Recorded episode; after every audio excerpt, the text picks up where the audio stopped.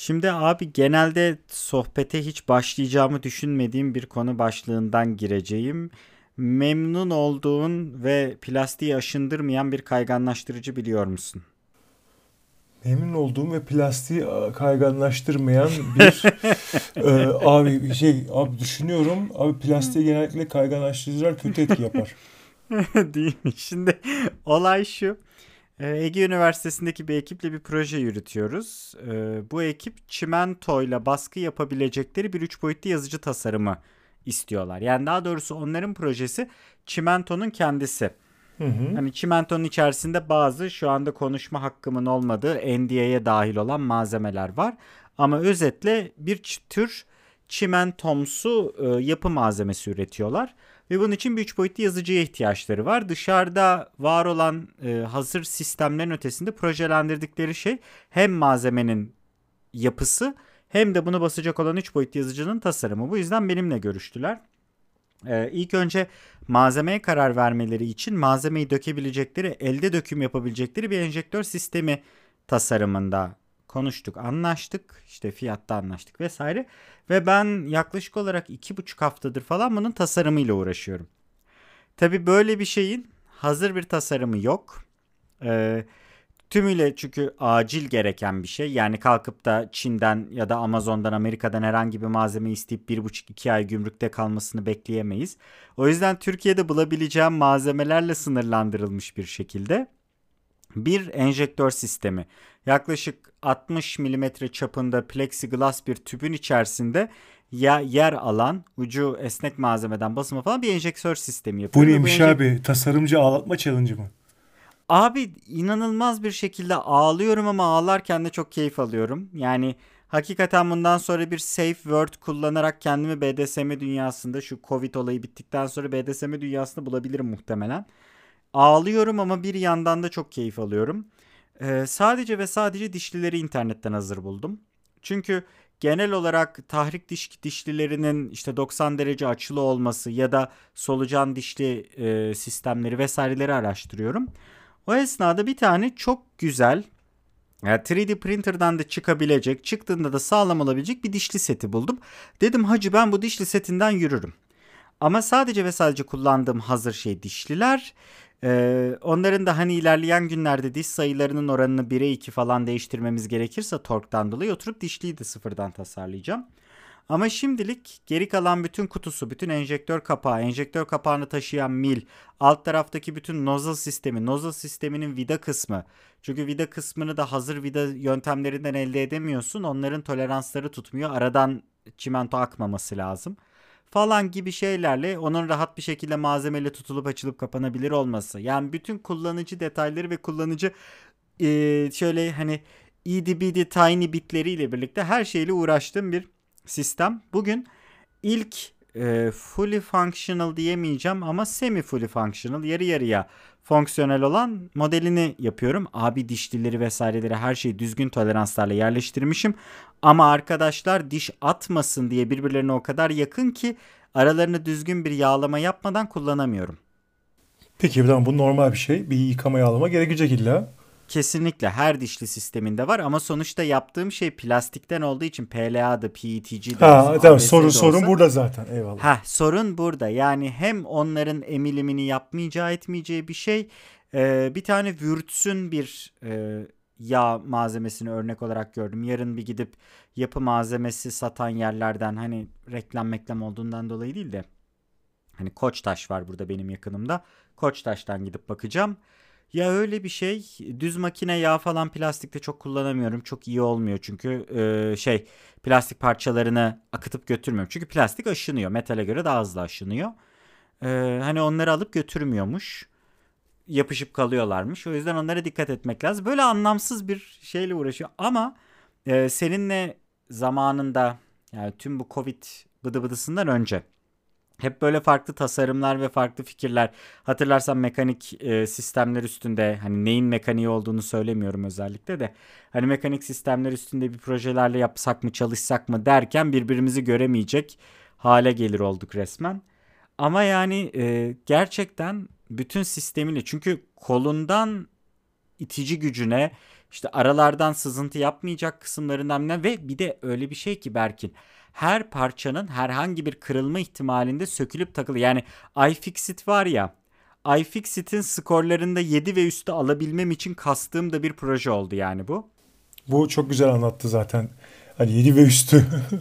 Aynen aynen yani repairability skoru 7 ve üstü olmak zorunda. Bilmeyenler için de şöyle söyleyelim. Arkadaşlar herhangi bir şey satın almak istiyorsanız size naçizane tavsiyemiz ifixit.com'a girin ve ifixit.com'da alacağınız tüketici malzemesinin tamir edilebilirlik skoruna mümkün mertebe bakmaya çalışın. Bunun da sebebi şu. Cihazlarınızın tamir edilebilirliği ömürlerini çok etkiliyor. Mesela ben e, AirPods Pro kullanıyorum. Apple'ın çok memnunum. Bugüne kadar sahip olduğum iPad Pro'dan bile daha güzel Apple cihazı. Yani sahip olduğum en iyi Apple cihazı diyebilirim ki kullandığım MacBook Pro 10 yıllık ve benim bitirme projelerimi renderlayabilen makineydi. O dönemlerde Windows çöküyordu. Mac yavaştı ama sonuna kadar getiriyordu. Bütün renderlarımı 6-7 saat tek bir frame alarak o renderladı. Ama abi AirPods Pro'dan çok memnunum. iFixit notu 0 ya da 1 olması lazım. Çünkü her şeyi yapıştırma. Bir kere pili bitti mi çöpe atıyorsunuz. Asla tamir edilebilir bir cihaz değil. O yüzden hani tasarımımı yaparken benim e, tasarımla ilgili hani kendimce sahip oldum. Ben bulmadım ama benim takip etmeyi ve izlemeyi sevdiğim bir mottodur bu. Abi mümkün mertebe vidaların, somunların, contaların olacak. Nasıl bağlayacağını biliyor olmalısın. Hani herhangi bir tasarımı yaparken kabuk tasarımı bile yapıyor olsan her parçanın bir şekilde tamir edilebilirliğini ve aynı zamanda üretilebilirliğini düşünmek zorundasın. İşte son dönemde yine endüstriyel tasarımcıların birkaç tane mezuniyet, mezuniyet değil daha yarı dönemdeyiz. Final projelerine falan baktım. Kıyamam özellikle Covid'in de etkisinden kaynaklı bir şey. Abi kimse projelerinde 3. 4. sınıfta bile neredeyse doğru düzgün vida deliği açmıyor.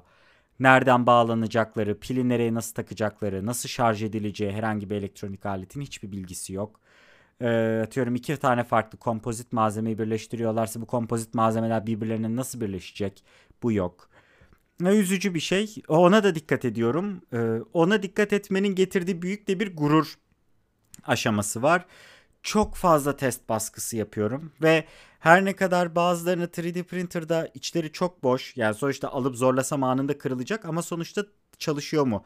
Hani yuvalar birbirine oturuyor mu falan ölçtüğüm bir süreç. Ee, çok fazla test baskısı yapıyorum. Bazıları başarılı oluyor, bazıları başarısız oluyor. Mesela mili gövdede tutan yaklaşık olarak 2,5 santimlik bir tane çıkıntım var.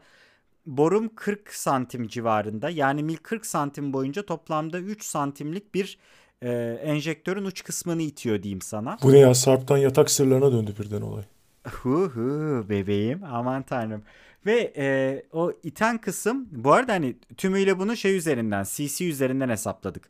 Yani ekip bana dedi ki abi biz abi değil tabii beyli hanımlı vesaireli konuşuyoruz hep birlikte de nedense hani sonuçta yaştaşım olan insanlar aslında abi diyesimiz geliyor ama bir noktada da profesyonellik bariyerini aşmayalım diyoruz. Sonra ben Whatsapp'tan e, şey dişlileri birbirine geçirecek şekilde video çekiyorum falan. Çok anlamsız oluyor. Neyse. Ee, orada hani dediler işte bizim şu kadar malzeme karıştırabilme imkanımız var. Doğru çap üzerinden tabii CC hesabı yapıyoruz. Hacim hesabı yapıyoruz ve ne kadarlık hacim olacaksa artı ona ben 1.2 pay bırakıyorum. Ki kafada geriye gidebilsin falan bunlar çok şey belirliyor. Ya tasarımda en çok sevdiğim şeylerden bir tanesi zaten bu şekilde gerçek dünyaya bağlı konuları e, hani su yüzünde tutarak iş yapabilirim ki çok güzel hissettiriyor abi bu ya. Yani konsept tasarımı severim. Konsept çalıştığım zamanları severim. Ama konsept çalışırken bile ayaklarımı hep sürekli bir suspension of disbelief'in içerisindeki bir belief'e bağlamak çok hoşuma gidiyor. Mesela uzay gemisi tasarımı vardı üniversitede. Hatırlarım. Abi orada mesela radyasyon kalkanının görece bir hacmen ne kadar yer kapladığını hesaplayıp gemi tasarımını onun üstüne yapmıştık. Mesela hani bu tür detaylar çok hoşuma gider benim. Birisi yapıyordu. Aerodinamiğe gerek yok. Tamam çünkü uzayda e, alt atmosfer uçuşu yapmayan bir uzay gemisi e, yapmayacak olan bir uzay gemisi tasarlıyorsan evet gerek yok ama en azından abi uzayda radyasyona maruz kalıyorsun. Hani bir şekilde magical bir e, alet var orada. O bir şekilde radyasyonu bir e, yani sana gelen gama ışımasının taneciklerini bir şekilde sektirecek bir kalkan oluşturuyor diyelim. Tamam böyle bir şey yok. Ama en azından diyor ki hoca bu yaklaşık olarak 3 metreye 6,5 metre genişliğinde şu kadar ısı yayan bir şey geminizin işte e, heat dissipation ısı dağılım sistemini buna göre düşünmeniz gerekiyor diyor. Yine abi bir dayanağın oluyor ya. Hani ben bu tür kültürleri severim. O yüzden birden fazla ayağı gerçek dünyaya bağlı olan tasarım yapmak evet hani özellikle e, belki form açısından elini kolunu birbirine bağlıyor ama mesela yaptığım şeyin de şu anda sadece dişilerinin çıplak olduğu bir kısım var. E, bu dişilerin çıplak olduğu kısmı hatta ben bir yandan e, sana WhatsApp'tan bir örnek görselini iletmeye çalışayım. E, yani sen de hani en azından görmüş ol. Ama dinleyicilerimiz bunu göremeyecek. Çünkü bunu yayınlayamam. Sadece özel senle ve bende kalmalı bu. İkimizin. İkimizin olmalı. Gördüm bütün abi. proje bittikten sonra, bütün proje bittikten sonra yayınlayabilirim aslında. Şu anda böyle sadece iki tane dişliyi birbirine tutan açılı parçaların olduğu 90 derecelik bir levha gibi ama mesela bunun üstüne dairesel bir şekilde kapanan mafsallı ve formu da tasarımın geri kalanına uyumlu olan bir form çalışması yapabileceğim üst kapağında. Ama üst kapağını yaparken halledecek, halledeceğim bir şey. Şimdilik sadece bir tane dik bir tane de yatayda iki tane dişliyi tutan dümdüz plakalardan oluşan bir şey karşındaki. Yani görüyorsun zaten. Hı hı. Evet anladım Hani- abi. Ee, ama işte bütün bunların toleranslarıyla bilmem neleriyle oturma alanlarıyla birbirlerine nasıl bağlanacaklarıyla üretim sisteminden nasıl çıkacak? Yani çünkü bunu e, projeyi de sustainable sürdürülebilir bir şekilde yapmak istiyorlar ve PLA odaklı gidiyoruz. Çünkü PLA içerisinde organik malzemelerin de bulunduğu bir polimer biçimi olduğu için onların projesine uygun bir malzeme olarak seçildi. Ve hani 3D printer'dan çıkabilmesi odaklı olduğu için bütün parçalar yazıcının bile alüminyum profilleri dışındaki neredeyse her parçasını 3D printer'dan çıkaracağız. Çünkü sürdürülebilirlik esasını buradan yakalamak istiyorlar. Ee, geri dönüştürülmüş PLA'da kullanabiliyorsun ne de olsa. Yani öyle bir imkanın da var. Hani o tarafa da yöneldiğimizden dolayı 3D printer'dan çıkabilir. Ya her parçayı tasarlarken de, üretirken de, toleranslarını hazırlarken de tasarımda, çizimden yani eskizinden şeye kadar son üretim anına kadar tümüyle çalıştığım projeler evet ağlatıyor abi ama çok da eğleniyorum nedense. Yani böyle ilginç bir şey ve tümüyle rubrikasyonla girdiğimiz bir e, konu oldu. Eğlenceli. Türkiye'de çok az malzeme bulabiliyorsun. Mesela e, orta taraftaki e, kullandığımız trapez milinin bizim istediğimiz standartlardaki halini bir yerde bulabildim. Ki o da istediğimiz standardı yarı hızında hareket edebiliyor. Tam bir tur dönüşünde 8 milim aşağıya iniyor. Normalde piyasada en standart bulunanlar bir tur dönüşünde 2 milim aşağıya iner. Bize 10 ya da 12 milim falan gerekiyordu. Ama öyle bir e, trapez milini Türkiye'de bulamıyoruz. Yurt dışından çok uzun süre beklemek zorundayız. O yüzden mecburen ilk seviye tasarım bu şekilde yapılacak falan gibi bir durum oluyor. Yani böyle ilginç çılgın bir olayla uğraşıyorum iki haftadır.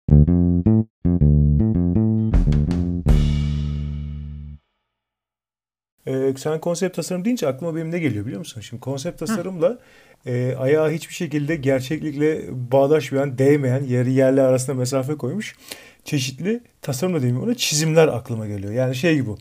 Artık konsept konsept design değil o şey artistic rendering mesela. E, aklıma şey geliyor abi bir tane böyle, böyle video, videoları yapıp, yapıp koyuyorlar ya internete. Bu böyle gerçek dünyada çalışacakmış gibi sıfır fizibiliteyle aklıma onlar geldi sen bunu anlatınca. Onlardan biraz bahsedeceğim izninle eğer müsaitsek. Tabii tabii lütfen buyur. buyur Abi bir tane bunlardan bir tanesi şey. e, bir arıza anında e, pilotları içeride tutan ama yolcu kabinini paraşütle aşağı atan uçak. Aa biliyorum onu. LinkedIn'de falan gördüm. Zaten bu tür şey yok. Girişimci kafası, girişimci dünyası, çılgın mühendislikler falan hesaplarında sürekli oluyor bu tür şeyler. İşte havacılık ve uzay gördüm. mühendislerine vereceksin bunları sabah akşam dövecekler.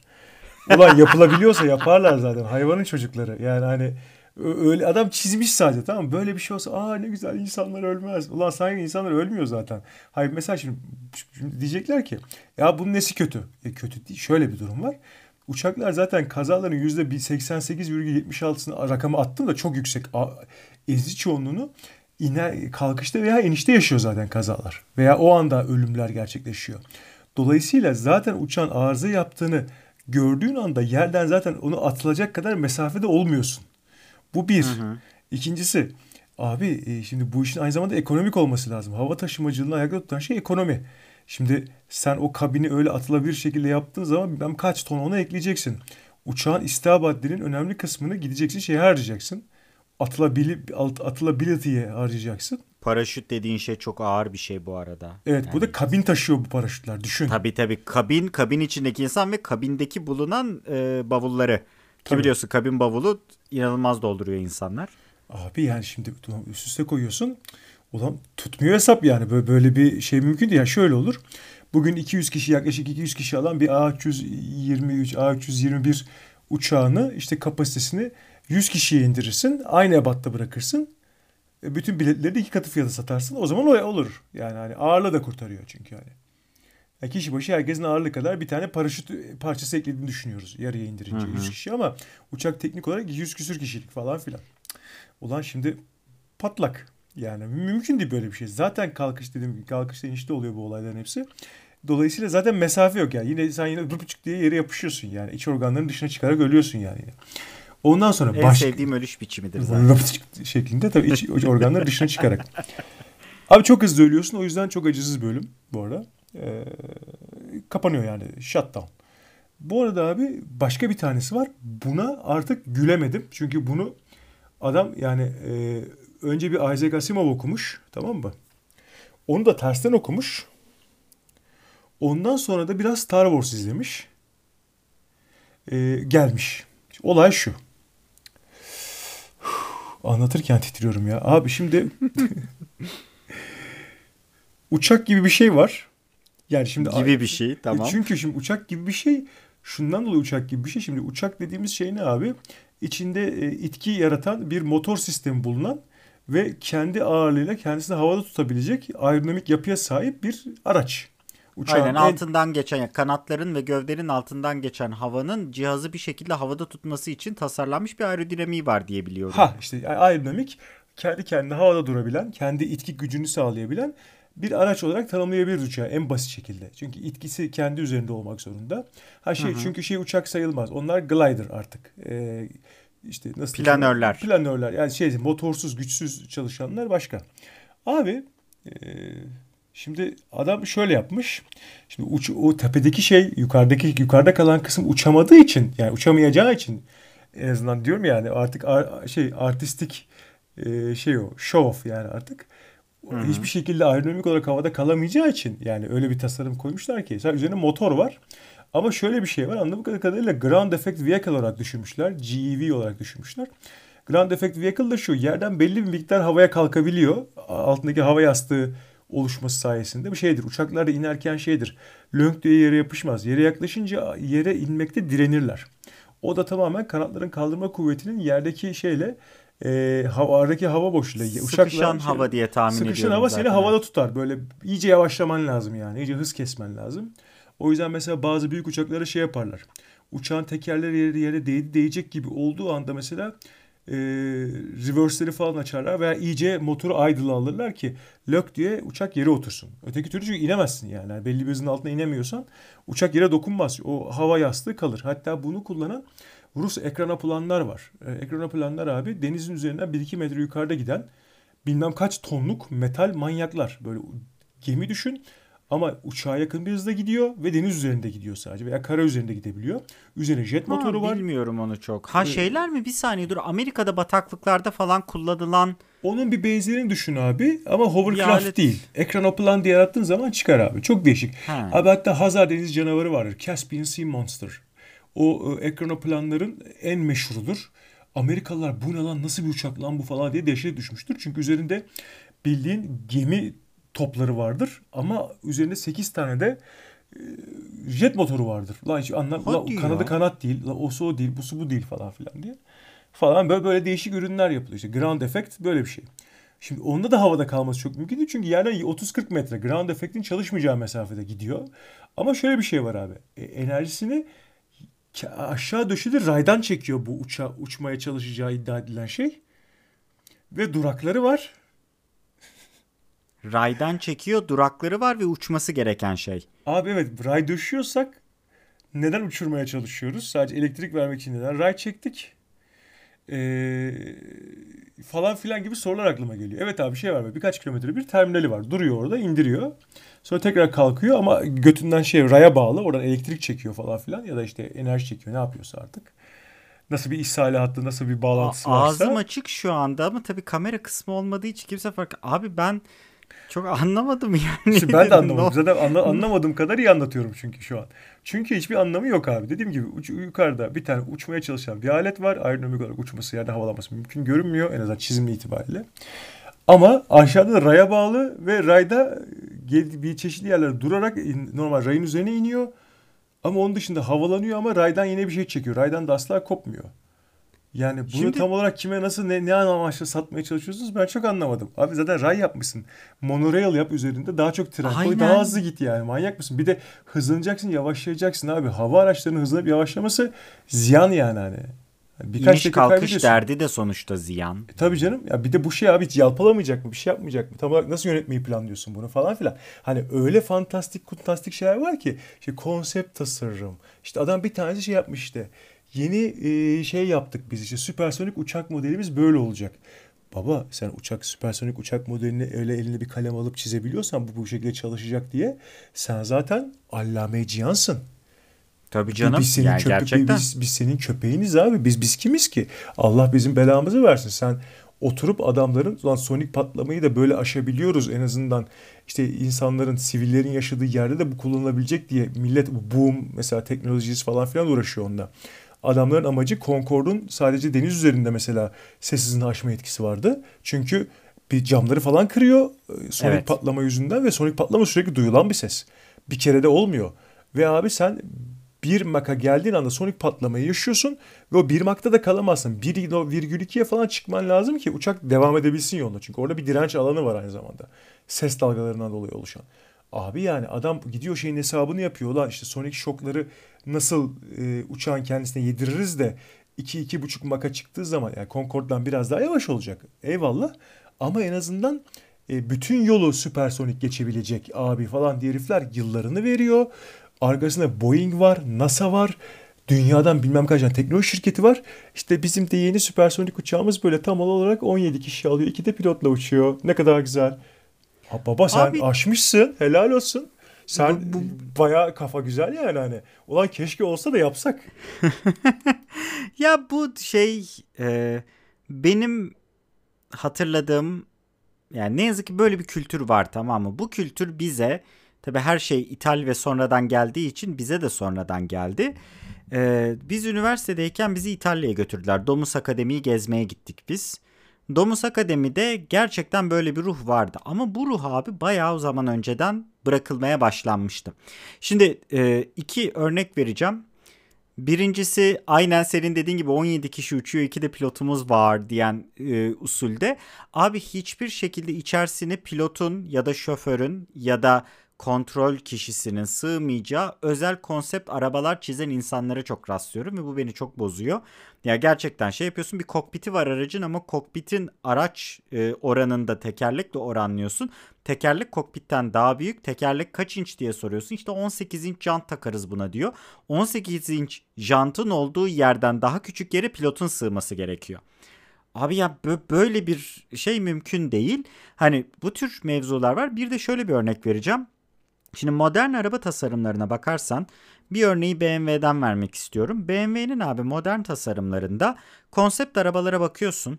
İşte Trade Show'a çıkmış olan ya da Trade Show'dan önce eskiz bile olanlara ardından 4-5 yıl sonra Production Car'a bakıyorsun. Abi artık aralarında çok ciddi bir fark yok. Bunu da 2010 ya 2008-2010 civarı olması lazım. Gina diye bir araba yaptı BMW.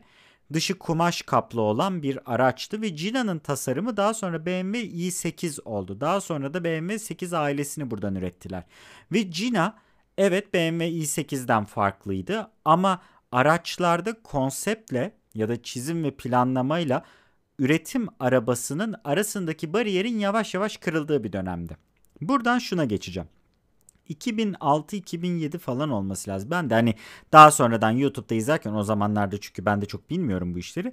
YouTube'da falan izlerken abi eski bir BMW 4 serisinin galiba hani elden geçirilme macerasını izledim. Yarışma açıyor BMW. İşte dış tasarım ve iç tasarım birbirinden ayrı. Dış tasarım ayrı bir ekip kazanıyor, iç tasarım ayrı bir ekip kazanıyor. Hatta iç tasarımı ekip değil bir kişi, tek bir tabanca bir adam kazanıyor. Dış tasarımı da böyle 4-5 kişilik bir tasarım ekibi kazanıyor. Şimdi abi dış tasarımı kazanan ekiple konuşuyorlar. Adamlar çiziyor, bilmem ne yapıyor, bilgisayar destekli tasarımdan nasıl yardım aldıklarını şey yapıyor. Araç dış tasarımında e, clay, seramik çamuru gibi çamur ve e, ince bant çok kullanılır abi bu arada. Genelde aerodinamik araç tasarımlarında uçakta falan da çok kullanılan bir şey o. Yani genelde bir şeyleri yaparken hatları, çizgileri vesaireleri oluşturmak için farklı renklerde bantlar çekersin. Daha sonra o bantları yandan bir şekilde profilden çekip fotoğraflayıp bilgisayara aktarmak da kolay olur bu arada. Yani Hani şeyi de yardımı da var aynı zamanda gördüğün hatlarda çevresinde dolaşırken modelin birebir clay'den yaparken yardımcı olur sana. Yine çalışıyorlar. Abi iç tasarımı yapan adam aynen anlattığımız gibi yapmış.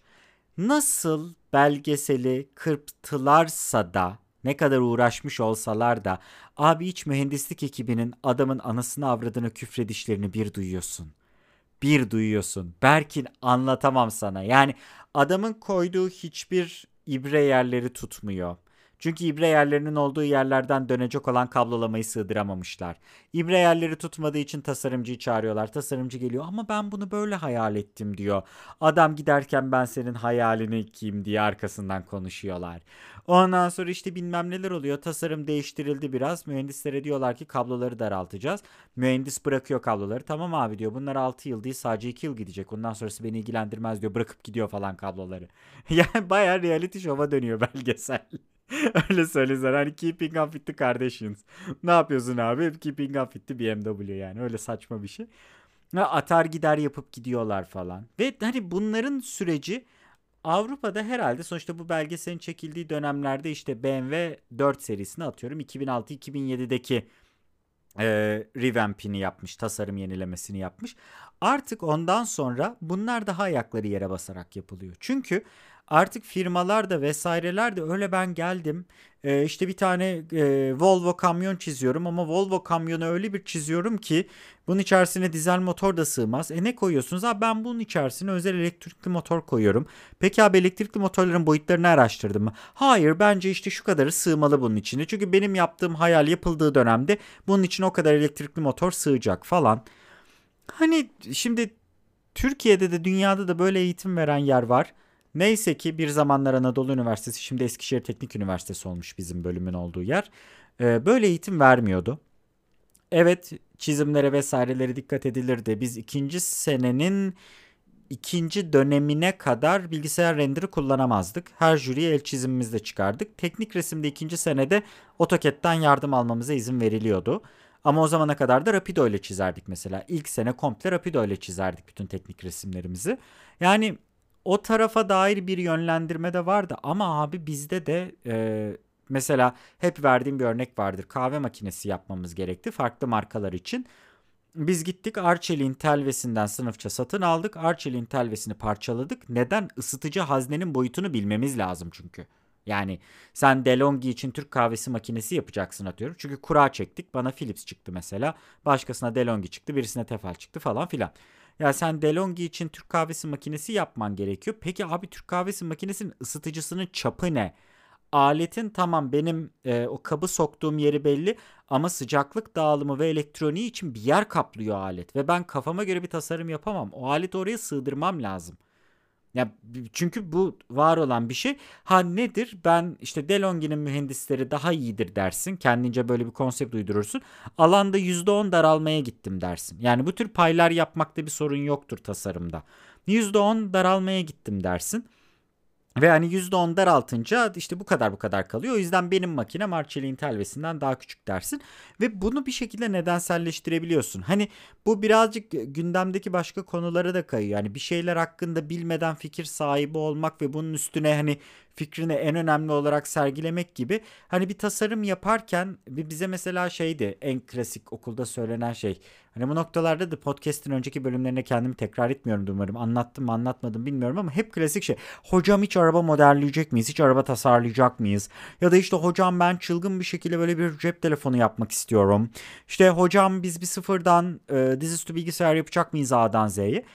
Ee, bizim teknik resim hocamız şeyi söylerdi. Çocuklar derdi size araba yaptıracak olsak biz 4 senenizi tek bir projeye harcarsınız.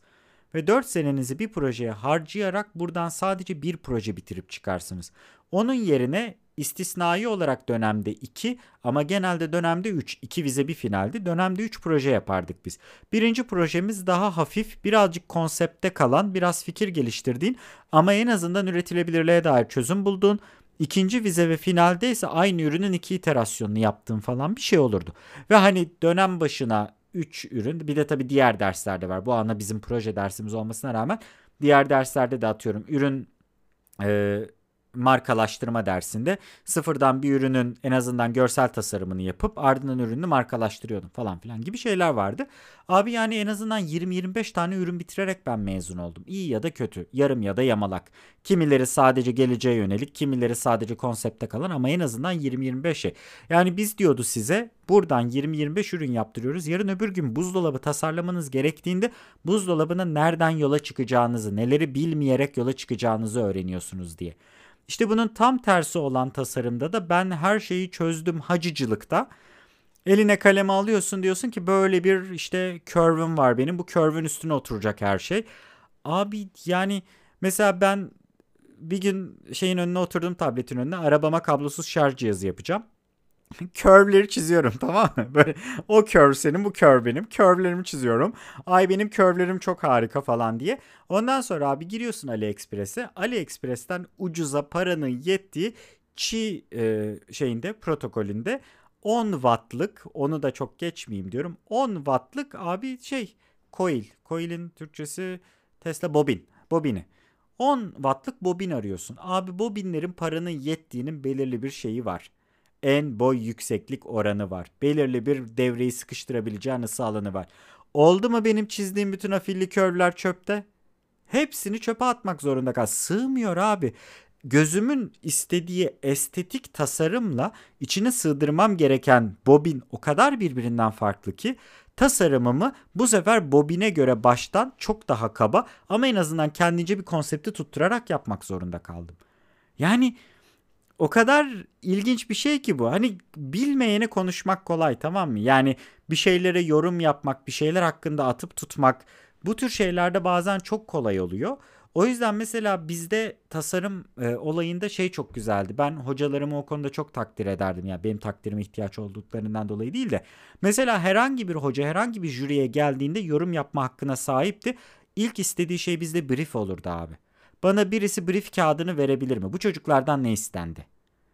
Yani e, gelip de böyle bu uçmaz, bu olmaz, bu üretilmez değil. Çünkü belki o proje sadece ve sadece bundan 50 yıl sonra çıkabilecek kompozit seramik malzemeler üzerine yapılmış olan e, bir ısıl kalıp projesi. Vardı bizim öyle şeylerimiz mesela. Derlerdi ki bize sadece levha malzeme kullanabilirsiniz. İsterseniz titanyum olsun, isterseniz ahşap olsun, isterseniz kahve artıklarını sıkıştırın yapın. Ama levha malzeme olmak zorunda ve levhaları bükemiyorsunuz. Sadece ve sadece birbirlerine geçme yapıyorsunuz. Projenin sınırı böyle olurdu. Ne derdi ki bunun ofis mobilyası yapacaksınız. Kimisi kitaplık çalışırdı, kimisi masa çalışırdı. Kimisi gelen misafirlerin oturabileceği sandalye gibi bir bench yapardı falan. Ama hani bazı projeler sadece malzeme ve üretim yöntemi sınırıyla yapılırdı bizde. Hani bir hoca geldiğinde ilk istediği şey, bir üniversite e, eğitmenlerine de hoca deme kültürünü çok sevmiyorum ama ağız alışkanlığı Hani camideymişçesine. Ee, şey olayı olurdu abi. Bana brief'i verin. Ne istediler? Ondan sonra yorum yapmaya başlardı.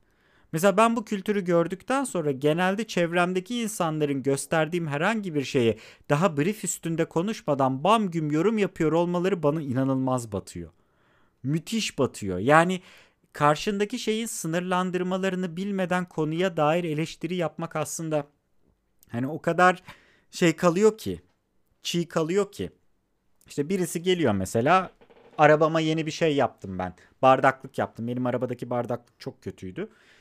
Ee, ona e, neydi onun adı? El freni. El freninin üstüne yerleşecek. Benim arabam eski olduğu için eski arabalarda böyle butik güzel bardaklıklar yok. Ama ben de 3D kafasından çayımı kahvemi doldurup arabaya koyuyorum. Onunla drone'la uçuşa gidiyorum. Bardaklığa ihtiyacım var. E bir de yarın öbür gün yanıma bir misafir binerse e, hani benimle birlikte gelen birisi olursa e, o da kendi bardağını koysun diye ikili bir bardaklık yapmak istedim. Alanım sınırlı.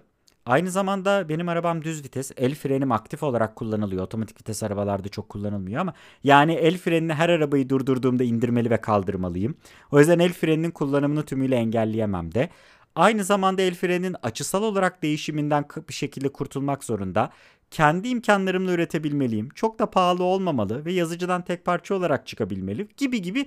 Ya benim bir briefim var tamam mı? Elimde böyle bir brief var. Arabaya bir arkadaş biniyor diyor ki Aa, bunu niye buraya koydun biraz daha öne koysaydın. Ebenin hörekesi yani önce bir sor önde yer yok çünkü öne koyduğun zaman el frenine ulaşamıyorsun. Adamın ehliyeti var ama arabası yok. Şimdi ondan sonra bir insana oturup bütün brief'i tek tek anlatıyor. Abi bunu öne koyamazdım çünkü ön tarafta e, el frenini kullanmamı engelliyor. Abi o zaman peki bunu niye yüksek yapmadın? Çünkü ucuz olması lazım. Malzemeden de çok harcamak istiyor. E abi bunun bilmem nesi. Her şey bir cevabım var bu arada. Çünkü düşünerek yaptım. Hani şeyi diyebilir. Bunun ortadaki kablo koyduğun gözünü biraz daha geniş yapabilirdin. Evet biraz daha geniş yapabilirdim. Hani bu mantıklı bir eleştiri. Ama geri kalan eleştiriler o kadar anlamsız kalıyor ki ve hani insanların sadece tasarım değil genelde herhangi bir şeyleri eleştirirken konuları ve tartışmaları böyle çok ters yerlere götürdükleri bir şeye de gidiyor bu. Ama ben yine çok aldım sazı uzun uzun konuştum. Velhasıl hani şeye geri toparlayacağım hızlıca. Abi yavaş yavaş sektör ve sektördeki bilinçli tasarımcı artı mühendis artı ekipler. Çünkü bunun artık tek bir şey yok. Sana yolladığım dişliği görüyorsun makine mühendisinin yaptığı işi yapıyorum ben şu anda. Yani doğru düzgün e, işte tahrik dişli parçalarının birbirlerinin dişine nasıl geleceği, oranları ne şekilde değiştireceğim vesaire yapacağımla ilgili hesaplamalar yapmak zorundayım. Yani artık tasarımcıyla mühendisin, elektrikçiyle makinecinin hatları eskisi kadar birbirinden ayrı değil. Ya bugün bir tasarımcı herhangi bir şekilde içerisinde sensör olan bir donanım yapıyorsa gerçekten piyasadaki sensörlerin limitlerine dair mini bir araştırma yapmak zorunda kalıyor. Çünkü aksi durumda herkes brief'i okumaya 15 dakika harcadığında proje 3 ay ileriye atar yani. O da kimsenin vaktini edebileceği bir şey değil. Dünyadaki yerler bununla ilgili abi gelişme kaydediyor en azından. Umarım Türkiye'dekiler ve Türkiye'dekilerin örnek aldığı diğer yabancı tasarımcılar da yavaş yavaş bu yönde güzel ilerlerler diyeyim. Hızlıca bir şey daha çok konuştum ama bir tane mesela Volvo'ya e, genel olarak işte lot bayağı malzemeyi taşıyacak kamyon tasarımı yapan birisi var. Abi çok güzel bir referans almış. Öncelikle gitmiş bir tane var olan hazır forklift plakası. Ahşaptan forkliftlerin altlarındaki plakalar var ya. Onların ölçüleri standart. Gidip abi ölçüyü alarak başlamış bütün her şeyini. Kaç tane forklift plakası sa? Çünkü araba teknolojisi değişse, otonom bile gidiyor olsa hala biz aynı forklift standartını kullanıyor olacağız. Çünkü o kolay değişen bir şey değil. Ve ben tasarımıma bundan yola çıkarak başlayayım deyip genel olarak forkliftlerde kullanılan tap yükseklik, tap genişlik vesaire derinlik hesaplarını yaparak çıkmış yola. Dedim abi helal olsun. Ya geri kalan kısımdaki tasarımın bazı aşamaları tabii ki uçuk olabilir. Konsept böyle bir şey. Ama abi ayakları o kadar yere basan bir noktadan başlamış ki. Bu budur ya. Olması gereken budur diyorum. Bence öyle.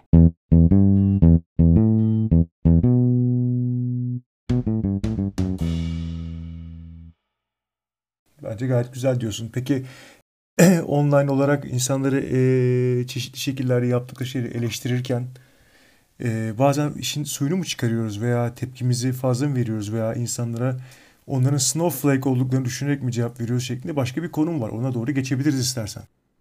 Geçelim abi. Ayıpsın. Bence, Hemen geçelim. Geçelim. Ee, abi şöyle bir vaziyet var. Bu son zamanlarda değil aslında yıllardır internette olan bir şey. Ben bunu seviye olarak üçe ayırdım ama bu seviyelerin arasındaki mesafeler eşit değil. Önce onu söyleyeyim. Kafamda eşit değil. Ama bir değil tekrar yani. bir ilk söylediğini bir daha söyler misin abi? Yani ben çünkü konuya aşinayım. Daha bugün bununla ilgili bir yazı okudum ama hani e, dinleyiciler tarafında insanlar tam olarak neyi bunun hani böyle kelimesel olarak direkt herkesin aşina alabileceği bir şey var mı? Abi şöyle söyleyeyim var aslında birkaç karşılığı var bunun.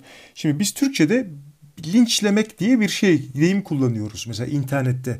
İşte birisi abuk subuk bir şey paylaşıyor. Millet ağzına geleni bu insana işte alıntı yapıp Twitter'da mesela giydirip giydirip duruyor. Biz buna linç hı hı. diyoruz. Abi linçin en kötü tanımı bu. Çünkü e, abi linç devlet destekli 3-5 tane tipin 19 e, yaşında bir çocuğu Eskişehir'de bir ara sokakta öldürüyorsa dövmesidir abi linç. Linç başka bir şey değildir. Biz bunu sulandırıyoruz ayrı konu. Bu konuda Ve ben ayrıca... o sokağın nerede olduğunu biliyorum. Biliyorum ta ta biliyorum abi. Zaten Eskişehir'de yani okuduğum her için. hatırladığımda içim şey oluyor. İşte ben iyi ki bilmiyorum yani. Yoksa her gördüğümde her hatırladığımda aynı şeyi ben de yaşardım abi tahminen. Neyse öncelikle linç anlamını tabii sulandırıyoruz ayrı konu ama konumuz o değil şu an için ama geri gelmişken bunu söyleyeyim abi. Ee, söylemezsem olmaz. Ee, Şimdi linç diyoruz. Linç ne abi işte? insanların nispeten kontrolsüz şekilde ya da, ya da kontrollü şekilde kişiden kişiye değişiyor ama yoğun biçimde işte fikrini sevmedikleri bir insanın veya hakikaten bu fikir hakikaten gerizekalı bir fikir olabilir. Makul bir fikir olabilir. Sadece karşılarına durdukları karşıt görüş olabilir. Fark etmez. İşte bu, bu insanı alıntılayıp giydirmeleri diyebiliriz. Ya da referans verip giydirmeleri diyebiliriz. Linç bu. Şimdi bunun bir üstü abi şey... Ee, nasıl diyeyim e, işte ben ne demiştim sana e, aa, ismini Kanser unuttum. kültürü e, o, o, o, o, o, o son noktası e, şöyle yapayım abi bir saniye bakayım sana gönderdiğim mesajdan bakayım abi. Aynen ben de şimdi onu açacağım. Çünkü ben de sana bir yandan şeyi e, bir görseli daha ilettim yine yaptığım proje. Arkadaşlar projelerimin reklamını Berkin'e biri yapıyorum. İyi öyle vallahi evet. Tamam yani gerçekten Berkin'e diyorum ki Berkin bak beni al çok da güzel kahvede yaparım. İçine de tuz koyarım sonra ikimiz de kalpten gideriz diye. Ne kadar güzel ne kadar hoş. Benim sodyuma Öyle karşı sıkıntılarım var. var. Su tutuyor bir diyalize sorun çıkarıyor. Abi şimdi işin bir, bir ucu dediğim gibi basit bir linç kültürü. İkincisi abi şey ee, nasıl diyeyim sana e, uç noktası cancel culture yani bir, hı hı. bir yerde bir hata yaptıysan sonuna kadar artık bu insan bu dünyada helal lokma yemesin kafası. Diğer ucu da bu abi. Bu iki uç arasında çok ciddi bir boşluk var abi tabii. Yani hani e, bir de abi şey var. Arada bir yerlerde abi e, aslında bu ilk numara, ilk ilk şey olabilir. Abi snowflake'imsi şekilde her bir şeye linç bu. Abi. Niye linç ediyorsunuz abi? Tepki de ve diğer insanların da buna tepki de mi vermeye hacı şeklinde tepki verdiği bir durum söz konusu mesela. İşin bir de bu kısmı var. Hani insanların garip tepkileri olabiliyor. Eyvallah abi ama bir linç nedir? Haklı tepki nerede başlar, nerede biter? Bunu belirleyen şey ne? Veya daha kötü bir şey söyleyeyim. Hani şimdi Türkiye'de ben bu cancel culture olayı ne kadar ilerledi ne durumda hiçbir fikrim yok. Türkiye'deki ortamı, dijital ortamı çok fazla takip etmediğim için tabii bunu bilmiyorum. Ayrı konu. Ama abi yani hani insanların şeysi ee, yani verdikleri tepkiler böyle toplanıp bu insana bir daha helal lokma yedirmeyelim biz. Aç bırakalım. Gebersin pezevenk noktasına getirten şey ne acaba? Mesela buraya bu ekstremlere nasıl gidiyor? Bir de her şey linç diyoruz, onu diyoruz, bunu diyoruz da abi yani hani acaba bu işin sonu nereye varacak? Nasıl bir şey bu? İnsanlar nereden besleniyor? Ve yine tepkimizi linç olmadı, linç etmeden tepkimizi verirken, yani aklı başına şeyler yazarken 3-5 kişinin gerçekten hani anlamsızca yüklenmesine linç dediğimiz zaman biz de o linççi grubun içine giriyor muyuz? İnternet neden bu kadar karmaşık abi? İşleri basitleştirmesi gerekiyordu yahu. Neden basitleştirmiyor diyeceğim. Bir de burada, burada ilgili bir şey yapacağım abi. Şimdi biz e, e meşhur bir yazar var. Yevgeni Morozov isimli. Yevgeni Morozov e, yeni çağın e, internet kavramını düzgün anlayan filozoflarından. Hı hı. Yaşı bizle abi bu arada. İkimizin arasında bir yaşı var. E, ve Yevgeni Morozov bu konularda hani e, meşhur bir kitap var. Ben bayağı bir okumuştum ama tonunu getiremedim maalesef ama çok ağdalı anlatıyor bu arada. Ana dil İngilizce değil ama kasıp İngilizce anlatıyor. Bu şey gibi Elif Şafak'ın İngilizce yazdığı romanın e, Türkçesinden daha anlaşılmaz olması gibi. Saçma. ee, neyse bu konuya da girmek istemiyorum. Ee, neyse Elif Şafak'la ilgili evet, evet, yani baş, başka bir gerçek var. ama anladım yani ben de. Yani neyse, okuduğumdan değil de ya bir paragraflar okudum. Abi İngilizce bunu yazıyorsan zaten zaten bir sonraki romanda Japonca yaz abla falan diyorsun yani. ee, yani kadına yazdığı romanlardan değil bence İngilizce bilgisi yüzünden high merit e, vizesi veriyorlar bence. Neyse hayırlısı. Ee, Ay rezillik. ben sadece gülüyorum çok eğlenceli. Ay Elif Şafak gömdüm arada ya. Neyse ben abi o zaman işte çağdaş edebiyat okuyan bir insan değilim. Ben edebiyat çok tüketen bir insan değilim. Ee, ben metin tüketen insanım. Neyse geçiyorum. Devam Hı hı. ediyorum. Ay, niye gömdükse kadını akşam akşam. Ayak izi yolda giderken böyle ayağımızdaki sanki şey çamuru atar gibi. Yere silip devam ediyoruz. Ay yere silip. bir de Elif şeffaf Ya seveni vardır, okuyanı vardır. Ben bilmiyorum. Ya bilmediğim bir şey yorumlamak istemiyorum da yani dediğim gibi bence o high merit bilmem ne merit, exceptional merit mi? Öyle bir vize türü var. Ha, exceptional merit galiba merit evet. mi bir şey işte exceptional talent mı? Öyle bir vize türü var. Onda Britanya'da yaşıyor diye biliyorum. O yüzden yani yanlış şeyden dolayı verdilerse doğru şeyden versinler vizeyi derdim o yani. Velhasıl kelam ne, ne ay Allah'ım. Aa ko- kon- konuyu unuttum lan. O kadar artık geyik yapınca. Siz genel olarak hani Türkiye'deki e, şeyin cancer culture'ın ne kadar olduğunu bilmiyoruz ama bir tane e, bizimle yaşıt olan az çok Ha, yaşlı Yevgeni olan Morozov, filozofumuz aynen. var. Kitabı vardı. Yevgeni Morozov'un bir kitabı var abi. Yevgeni Morozov'un kitabı e, meşhur kitaplarından bir tanesinin ismi şu. E, to save everything click here. Her şeyi kurtarmak için buraya tıklayın. Evet abi. Bir, bu- evet. Aha. kitabın bir de başlığı var altında alt başlığı var. E, The Folly of e, Internet neydi? The Folly of Internet e, Solutionism. İnternet so- çözümcülüğünün e, şeysi e, a- arızası, yanılgısı diyeyim sana. Ha, Folly. sahteliği Sahteli, vesairesi. aynen. Yani böyle böyle bir şey. Tam çok uzun baş, çok uzun kitap başlığı bu toplamda.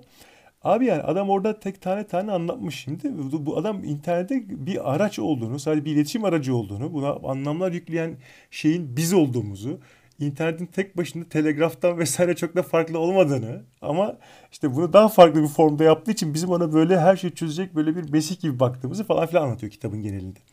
Şimdi e, dolayısıyla abi şey var hani her şeyi çözecek, her şeyi çözmeye muktedir bir araç muamelesi yapıyoruz biz şey internete.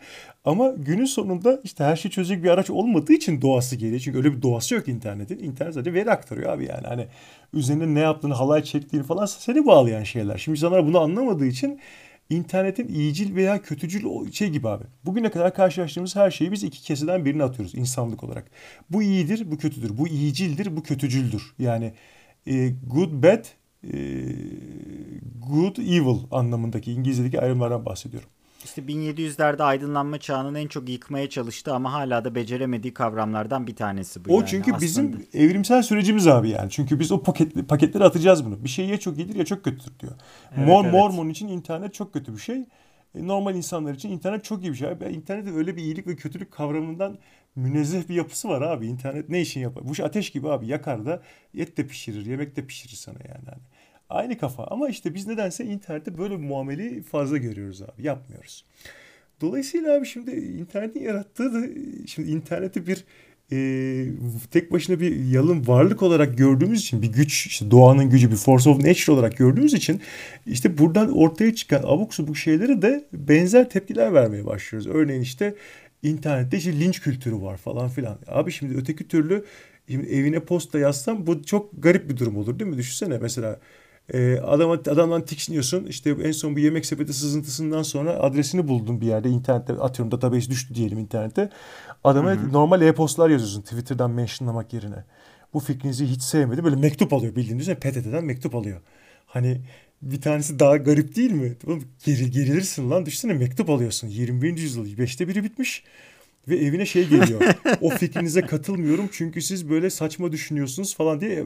Ne oluyor lan? Mesela tweet'in de bir gör çıktısını almış mesela. Ama Onu yollamış değil mi Ah, tabii, tabii. olarak O- falan. Onu bir yollamış. Altına da el, el yazısıyla yazmış böyle. E, Ya da tweet'in tweet'in şeyini ekran görüntüsünü eliyle boyayarak yapmış böyle yan tarafa falan karikatür şeklinde suratını çizmiş. İşte bu, bu az önceki konsept tasarımlara giriyor artık Sarp. Aynen ba- bayağı çılgın olmuş. Yani abi yani o yüzden mesela daha daha garip olurdu. Tabii ki şimdi her şeyin linç olarak da bir şey kalibrasyonları tabii biz yapamayız. Biz bu işin standart en- enstitüsü değiliz ama abi yani hani şimdi e-posta e-posta değil posta atsa sana sıkıntı çıkar. Diğer taraftan abi biz bazen insanlar olarak şeyi ayırt edemiyoruz. Hakikaten tepkimizi nerede durdurabileceğimizi bilmiyoruz. Bir. ikincisi abi insanların hakikaten eee, onları belirli şeylerden alıkoyan zihinsel kısıtlamalar olabilir. Gerizekalılık anlamında söylemiyorum. Yanlış anlaşılmamasın. Ee, yani şöyle. Deneyim eksikliği olabilir. Deneyim Konuya eksikliği. aşina olmayabilirler. Hah, o anda akıllarına gelmiyor olabilir. Bağlam o anda kuramamış olabilirler. Bunlar da olabilir sonuçta. Benim aklıma gelen Bir diğeriydi aslında esas e, ana şey bunlar geçerli abi hala. Benim aklıma gelen şey abi yetiştirilme tarzından dolayı dünyanın o kısmına kapalı olarak var olmaları. Ha, deneyimi olmamasını onu aslında ha yani. aslında evet doğru Atıyorum o, aynısı. yazları İngiltere'de ailesinin imkanı olduğu için bir yaz okuluna gitmiştir. O yüzden gerçekten Türkiye'de kayısı toplamanın sürecini bilmiyordur yani. Ve hani bilmediği için de kayısı toplama ile ilgili bir şeyde bir hata olduğunda linçlenebilecek bir şeyde yanlış bir bakış açısı getirebilir yani. yani. Mesela aklıma bu geliyor doğrudan. Yani e, ben aslında tabii bu, bu çok minnoş bir fark oldu. Benim aklıma doğrudan şey geliyor. Mesela abi sana acı bir şey söyleyeyim. E, biz yıllar önce çalıştığım kurumda işte insanlar toplanıp ara sıra pikniğe, etkinliklere falan giderdik. Böyle yılda bir kere bahar ayında falan filan. Adaya giderdik, bir yere giderdik, bir şey yapardık. Bir araya gelirdik insanlarla. Kadıköy'de buluştuk. Kadıköy'den adalara gideceğiz diye hatırlıyorum. Tabii adalara gideceğiz diye hatırlıyorum. Çocuğun biri geldi işte 20 küsür yaşlarında. O zaman ben de 30'umun altındayım yani hani 10 küsür sene önceki olay bu. Hı hı. Abi çocuk şey dedi 25 yaşında falan ben ilk defa Anadolu yakasına geçtim dedi. Derin sessizlik kıyamam. evet. Ha, mesela. Kıyamam yani. Ya da başka bir şey söyleyeyim sana. Benim Hep şey denir ya İstanbul'da olup hiç deniz görmeyen insanlar muhabbeti. Ha, o deniz görmüştür de işte şey hiç Anadolu yakasında geçmemiş. Hiç boğaz, boğazı geçmemiş mesela. Bir ilk defa geçtim abi böyle geçiliyormuş falan filan dedi. Böyle baktık biz ama 25 yaşındasın lan falan filan. Hani hiç mi hakikaten ihtiyacın olmadı falan dedik. Yani şeyden yaklaşıyoruz biz. Hani ihtiyacı yoktan geçiyoruz. Halbuki şey anlamında olabilir mesela önemsemiş olabilir. Böyle bir elzem bir şey görmüş, keşfedilecek, ona değer bir şey görmüş de olabilir. Daha kötü düşünsene değişti, yetiştirme şekline. Ama gerçekten hiç mi havalimanına gitmedin atıyorum ya da havalimanına geçtim gerçekten hiçbir Kadıköy'de alman gereken bir şey olmadı. Mesela. Yani onu düşünüyorsun haklı olarak ki senin bunu düşünmenin garipliği ve onun hiç bunu yaşamamış olması düşünmüyor olması garipliği aslında mutlak değerde böyle birisi e, eksenin bir ucunda diğeri öbür ucunda gibi bir şey. Ama aslında gariplik açısından bakarsan da öyle perspektifle alakalı bir şey yani. Evet ya bir, burada bir relativite söz konusu. Mesela başka bir şey söyleyeyim sana. İzmir'de bir arkadaşım vardı. Şu an Norveç'te yaşıyor kendisi. Ee, birisiyle hemen ilgili, kıskandır tabii. Hemen birisiyle kıskandır. ilgili konuşurken şey demişti ya Berkin sen İzmir'de yaşayan herkesi hani normal insan sanıyorsun da dedi. Yani böyle tam olarak böyle söylemedi de normal yani, diyorum deniz insanı falan hani Kadıköy'de yaşayan insanlar gibi falan sanıyorsun demişti. İstanbul'da da bir süre yaşadı çünkü. Ee, bak dedi İzmir'de yaşayıp deniz görmeyen çok insan var dedi. Hani sen Doğru şey yapma demiş. dedi yani hani o kadar mesafeler ki İzmir'in kendi kültürüne. Hani İzmirli dediğin zaman evet aklına ben ve benim gibiler geliyor olabilir gibisinden bir şey söyledi. Ama nihayetinde İzmir'de yaşayıp ya bu analoji olarak kullanıyor bunu tabii. İzmir'de yaşayıp tabii. deniz görmeyen insan var dedi yani hani. Düşündüm. Ha tamam dedim. Bu her şeyi açıklıyor dedim. Yani evet o kültürden kasıtlı olarak işte e, ya işte aile yapıları, din yapıları vesaire, inanç yapıları falan sebebiyle uzak kalmış binlerce insan var aslında İzmir'de yaşayan. Biz bir şey görüyoruz ya bir şey Kadıköy'le homojen görüyoruz abi ama şimdi Fikirtepe'de oturan da Suadiye'de oturan bir değil maalesef yani. Yani sosyoekonomik açıdan bir değil. Yanlış anlamda olmasın. Hepsinin iki kolu iki bacağı var ortalamada. Ee, ve şey var yani hani eşit haklara sahipler kanununda ama günün sonunda ekonomik güç olarak e, Suadiye'de oturan biraz da varlıklı ensesi kalın olmasını bekliyorsun falan filan. İzmir'de aynı şekilde abi şimdi Balçova'da çok zengin insanlar oturuyor diye biliyorum Sarp falan gibi. Ama konak, Tabii de, konak dediğin yer fakirlikten ağzı yapan yan keçinin yaşadığı bir yer falan diyormuş. Mesela geyik yapıyorum tabii de. Hani... Mesela biz biz konuşurken şu anda var olan 34 tane mülkümle ilgili kiracılarım sürekli bana mesaj attılar. Hepsiyle avukatlarım ilgileniyor. Zaten ben uğraşmıyorum. Avukatlarım ee, zaten o bitiriyor. Orada, orada bazı sözcüklerin çoğulu korkutucu abi zaten.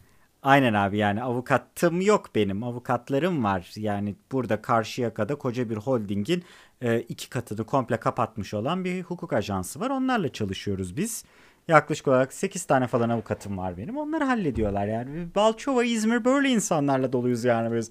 İşte ben bir curve'ümü çiziyorum abi. Curve'üm böyle oluyor yani açıkçası. Allah kahretsin.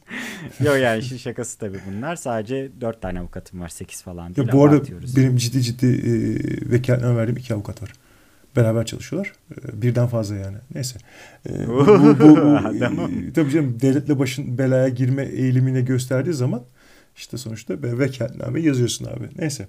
Tabii Ee, tabii benim de var canım bir iki tane farklı Evet. farklı işler için. Ne kadar Ee, güzel. İster istemez bir, bir noktadan sonra avukatlarla yaşamaya başlıyorsun gerçekten. Neyse evet konuya geri dönecek Ha. olursak dediğin doğru abi. Gerçekten hani e, deniz görmemişlik bazen gerçekten literally fiziksel olarak kurduğumuz bir cümle. Gerçekten hiçbir zaman görmüyor. Ama bazen de analojik ya da daha doğrusu mecazi olarak da kullandığımız bir şey. Yani o havayı almamak o kültürün parçası doğru. Yani gerçekten öyle bir şey. Ege dediğin zaman da Ege bölgesinde İzmir'le Manisa aynı kültüre sahip değil açıkçası. Yani e, hani İzmir Hovar'da Ma- Manisa üretim yani hani doğrudan çok net yani abi farklar bence falan. Tabii tabii hani birisi iyi birisi kötü anlamında ya da bir ima anlamında bir şey değil. Gerçekten birbirlerinden farklı iki. İç Ege ile kıyı Ege tabii doğal olarak farklıdır. Adam trolletmedi bile helal olsun.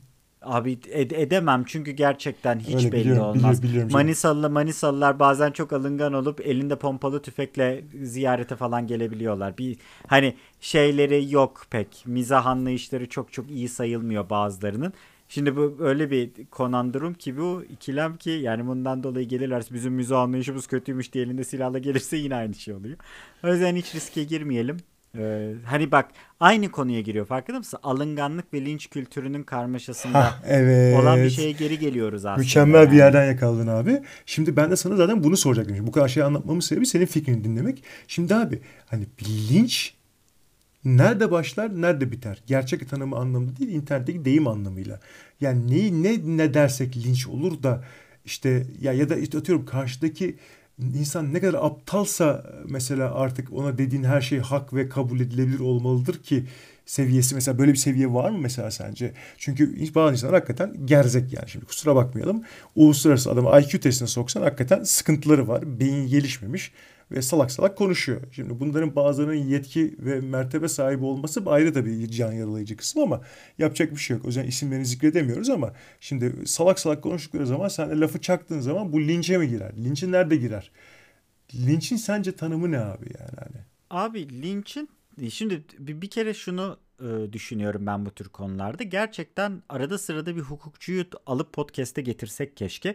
Çünkü böyle zamanlarda Türk Ceza Kanunu'nun ya da daha doğrusu uluslararası kanun e, yani ceza kanunu eserlerinin de genel olarak kelimeleştirmesi ve tanımlamalarının nasıl olduğunu hep merak etmişimdir. Çünkü gerçekten hani bir terzinin elinden çıkmış gibi tek bir e, kıyafetin, tek bir yeleğin herkese olması olayı çok zor. O yüzden zaten hakimin işin içine kattığı şey vesaire olayı var. Linç'i ben değerlendirirken aslında konu bazında değil platform bazında değerlendiriyorum. Kendimce şöyle bir yaklaşımda bulunuyorum. Linç'in başladığı yer bir kişi bir kurum ya da bir topluluğa karşı o topluluğun kendisini savunma hakkını sözsel, fiziksel ya da yaşamsal olarak vermeden tek taraflı bir şekilde ona yapılan saldırı işlemi olarak görürüm. Mesela e, iri ufak şeylerinden bir tanesi R.A. Salvatore'nin Star Wars'un Legends romanlarını yazarken tam mektubu anlatırken aklıma bu geldi. O yüzden oradan örnek vereceğim. Ee, ne zaman oluyor bu? 90'larda olması lazım. 90'ların sonunda. Ee, Chewbacca'yı öldürüyor R.A. Salvatore. Romanların bir tanesinde Chewbacca ölüyor. Han yaşıyor, Luke yaşıyor, Leia yaşıyor, Mara Jade yaşıyor, herkes yaşıyor. Han'la Leia'nın çocukları var ve bir gün toplantıda George Lucas diyor ki e, major karakterlerden biri ölecek.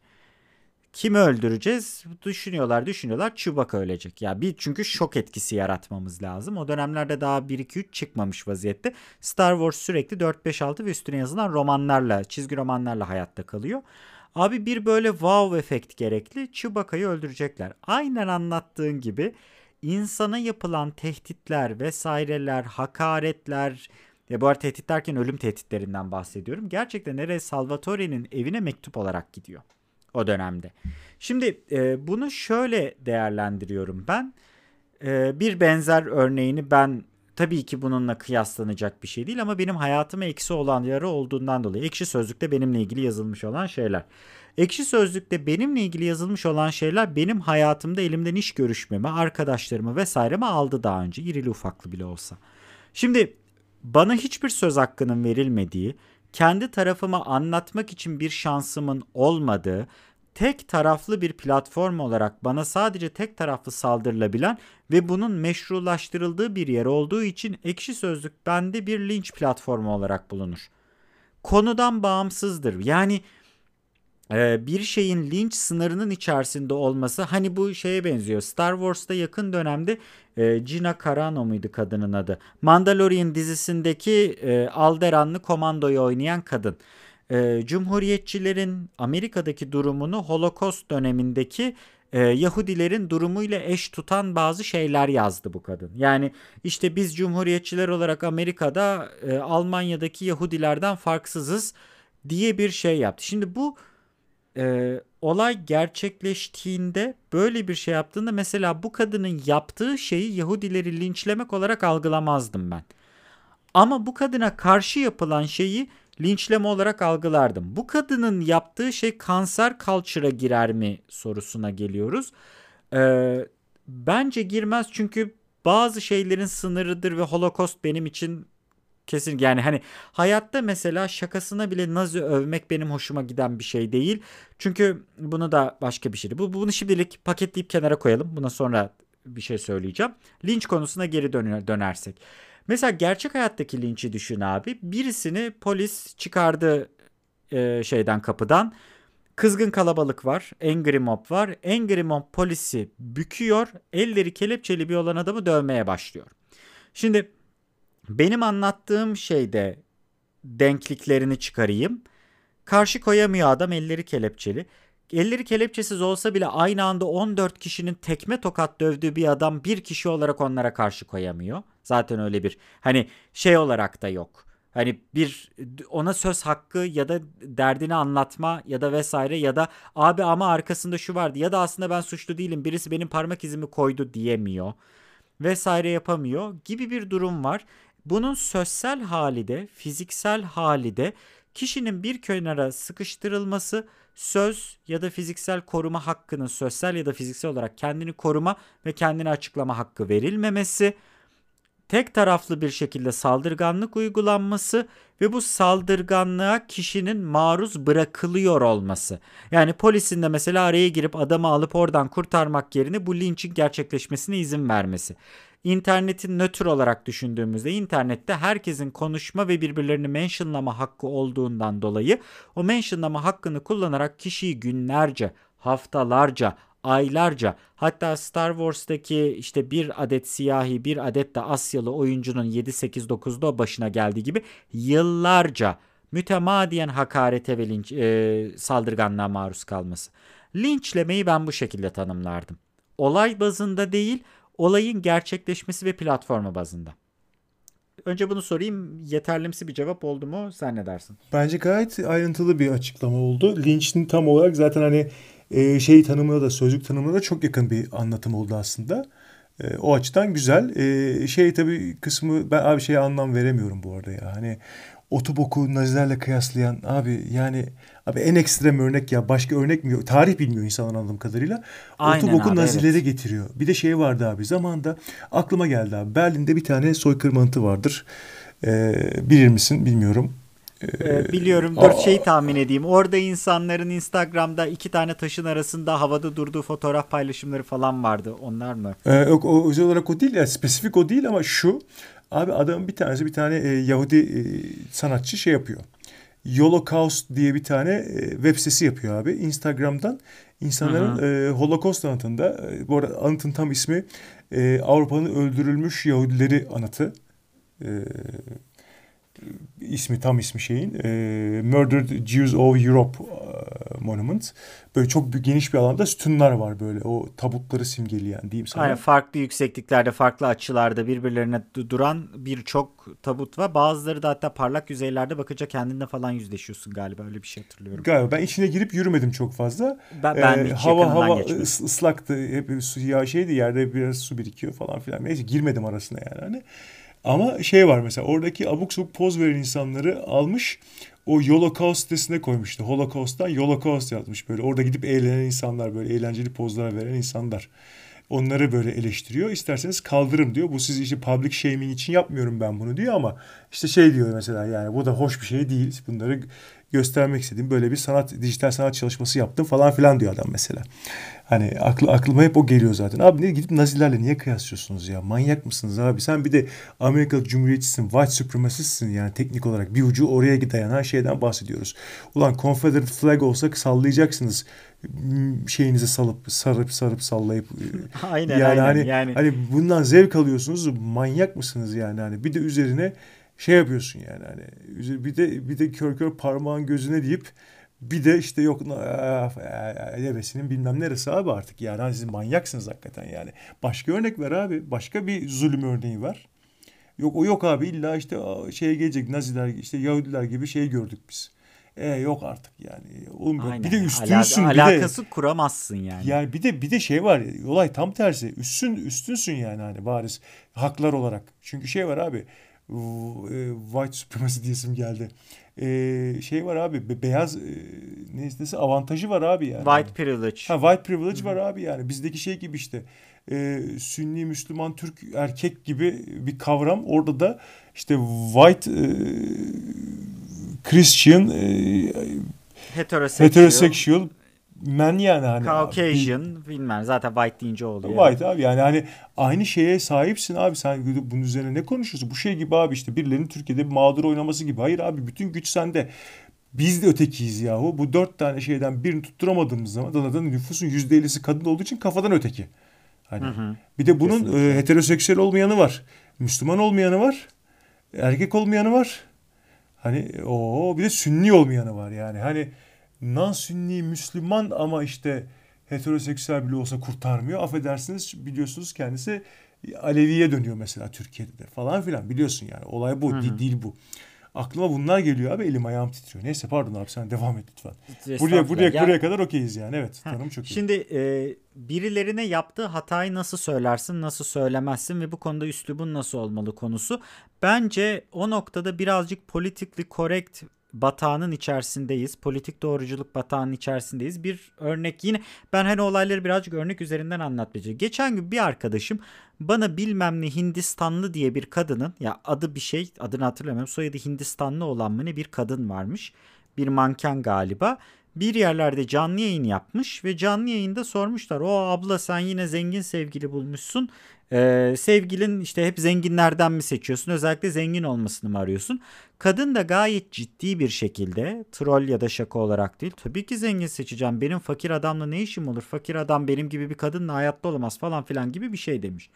Şimdi birkaç mesaj sonra da mı birisi yoksa Twitter'da bunu alıp ekran görüntüsüyle birisi mi paylaştı. Bir de onu bulduk çünkü arkadaşlar. Ya işte abla senin bundan bir önceki sevgilin seni duvardan duvara sektirerek dövmemiş miydi? Cüzdanına değil de kalbine baksaydın en azından o dayağı yemezdin. Diye bir cevap vermiş. Şimdi şöyle bir şey var. Ee, ben olsam ki oldum kendi Discord kanalımda işin içine küfürler sokarak aynı tepkiyi verirdim. Umurumda da olmazdı. Ama burada zaten spesifik olarak bir kişiye değil kişinin davranışına diyorsun ama burada da şöyle bir şey var. Bu kişinin kişiliğiyle alakalı bir şey olduğu için yani bu kişi hayatında sadece bir insanın cüzdanına değer verdiği ve onun kişisel özellikleri değil cüzdanı üzerinden bir erkek seçtiği için aslında davranışıyla kişiliği. Yani bu şeye benziyor mesela ben seni e, ya da sen değil ben bir arkadaşımı Fenerbahçe'yi sevdiği için bir şekilde herhangi bir hizmetten mahrum bırakırsam atıyorum 3D kafasına geldi ve dedi ki ben böyle böyle baskı yaptıracağım. Beyefendi Fenerbahçeli misiniz? Evet Fenerbahçe. Üzgünüm Fenerlilere hizmet vermiyoruz desem mesela bak bu e, ayıp bir davranış. Ama öbür tarafta şimdi kadının davranışıyla kadının e, kişiliğini birbirinden ayıramıyorsun. Ama politikli korrekt bir dünyada bir kadına karşı söyleyebileceğin herhangi bir eleştirel şeyin aynı zamanda antifeminist ve kadın haklarına karşı olma riskiyle karşı karşıyasın. Buradaki çizgiyi nasıl çekersin? Abi buradaki çizgiyi kendi çevrendeki arkadaş grubuyla çekmekle mükellefsin. Başkasına bir şey diyemiyorsun. Ben bunu öğrenmiş oldum. Yani e, insanlara dert anlatmak istediğinde bunu çözebileceğim bir yer yok. Bu bu arada kadın için de erkek için de. Benim verdiğim örnek e, sadece spesifik bir örnek. Mesela aynı durumda bir de erkekten örnek vereyim. Hani tek taraflı bir yansım olmasın. Sadece Nine Gag'e bakan işte kadınları sürekli make me a sandwich, go to the kitchen, go to your house diye bağıran erkekleri düşün. Abi böyle bir adama bir kadının sahip olması zaten doğuştan hakkı olması gereken, seninle eşdeğer olması gereken şeyleri anlatamıyorsun tamam mı? Yani bunu anlatmak için çabalayacağını gerçekten bu, bu adamların spermlerini bir şekilde çürütüp soylarını devam ettirmemelerini sağlasan çok daha başarılı olursun. Ee, ama işte politically correct bir dünyanın içerisinde gittiğimizden ve bu insanların herhangi bir şey eleştirmesiyle ilgili problem yarattığından dolayı da mesela en çok söylenen şeylerden bir tanesi işte duvardan duvara dövdü seni en azından kalbine baksaydın o dayağı yemezdin argümanında. Abi işte bizi döveceğini nereden anlayalım? Yani ben şu ana kadar insanların ne yapacağını anlayabildim hep. Hani anlaşılabiliyorlar aslında. Yani e, garsona normal işini yapan, işinin peşinde koşan garsona başkalarını araya atıp seni neden araya almadı diye bağıram diye adam restoranda, restoran 5000 liralık restoran bile olsa anlıyorsun ki bir gün sen de ona karşı çıktığında seni de dövecek zaten. Yani garsona yapıyorsa sana niye yapmasın? Garson en azından ona yemek getiriyor. Senin modan geçecek yani. Hani bu, bu tür şeyler anlaşılabiliyor. Öbür tarafta da hani erkeklerin zaten sığlığı ve geri zekalı ile ilgili hataları vesaireleri tırtıklara girdiğin zaman erkeği eleştirdiğinde de hop şimdi birader dedin abi eleştirileceksin sen malsın çünkü. Kromozomsal olarak malsın zaten. Yani X düzgün olanıydı sana Y vermişler zaten boktansın. Ama işte bunu tartışabilmen lazım ve burada da çizgiyi abi genelde şeyde çekiyorum. Ben hani hukukta gerçekten e, hakimin müdahalesi haricinde ceza kanununa ne yazardım? Kişiye değil abi yaptığı şeye odaklanarak.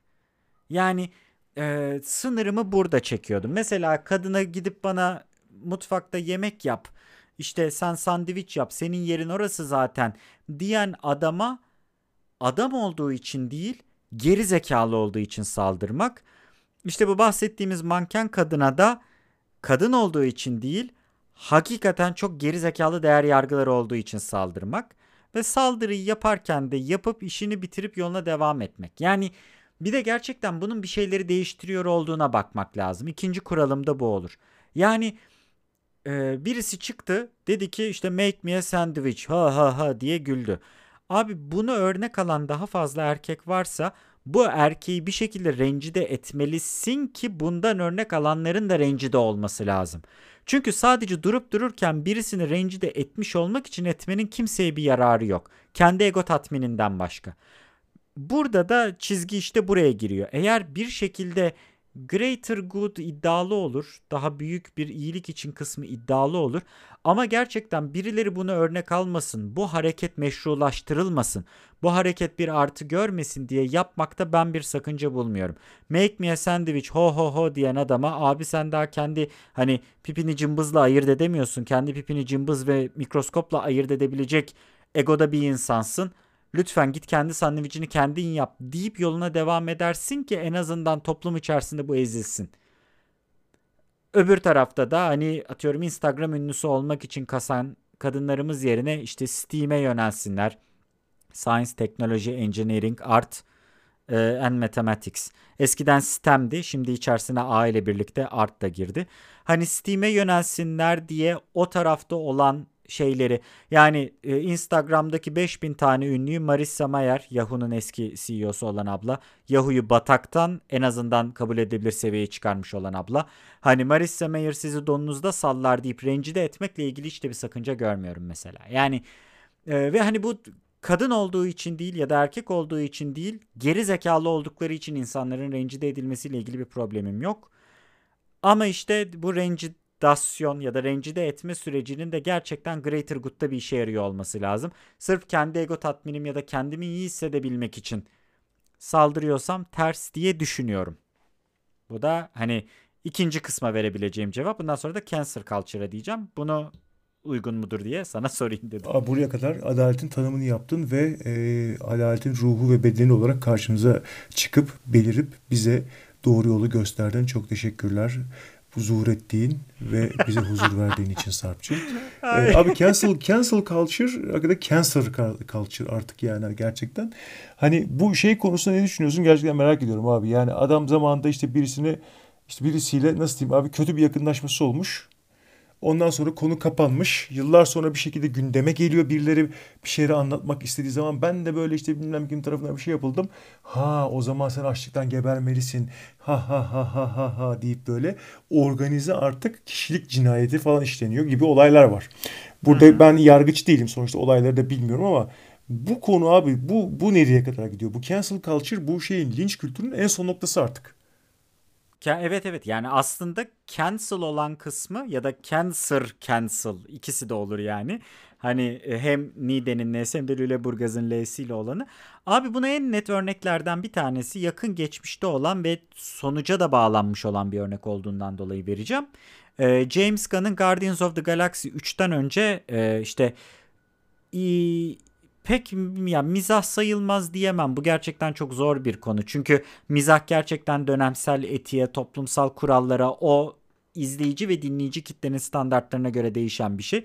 Ve gerçekten biz kendi arkadaşlarımız arasında ağır ırkçı, ağır din ayrımcısı, ağır cinsiyetçi, ağır gözlük takmayan mesela ikimiz de gözlük kullandığımız için şey farazi örnek verdiğim için ağır gözlük takmayan herkese salladığımız bir e, Bonk partisi veriyor olabiliriz mesela. Yani ama bu sadece sen, ben bir de işte gözlüklü bir arkadaşımız daha olsun. Üç arkadaş bir araya geldiğimizde yaptığımız tümüyle anlamsız e, bir şey muhabbeti olabilir.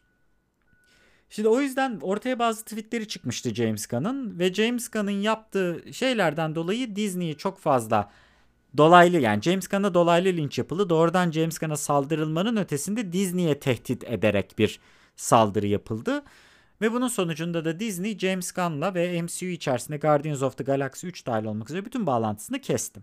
Bunun olduğu zaman da ben bir video çekmiştim YouTube'da. Şimdi abi e, videoda kim haklı diye ve şöyle bir az çok sonuca varmıştım. Aslında iki taraf da haklı ama aslında iki taraf da haksız. Çünkü iki taraf şu şekilde haklı.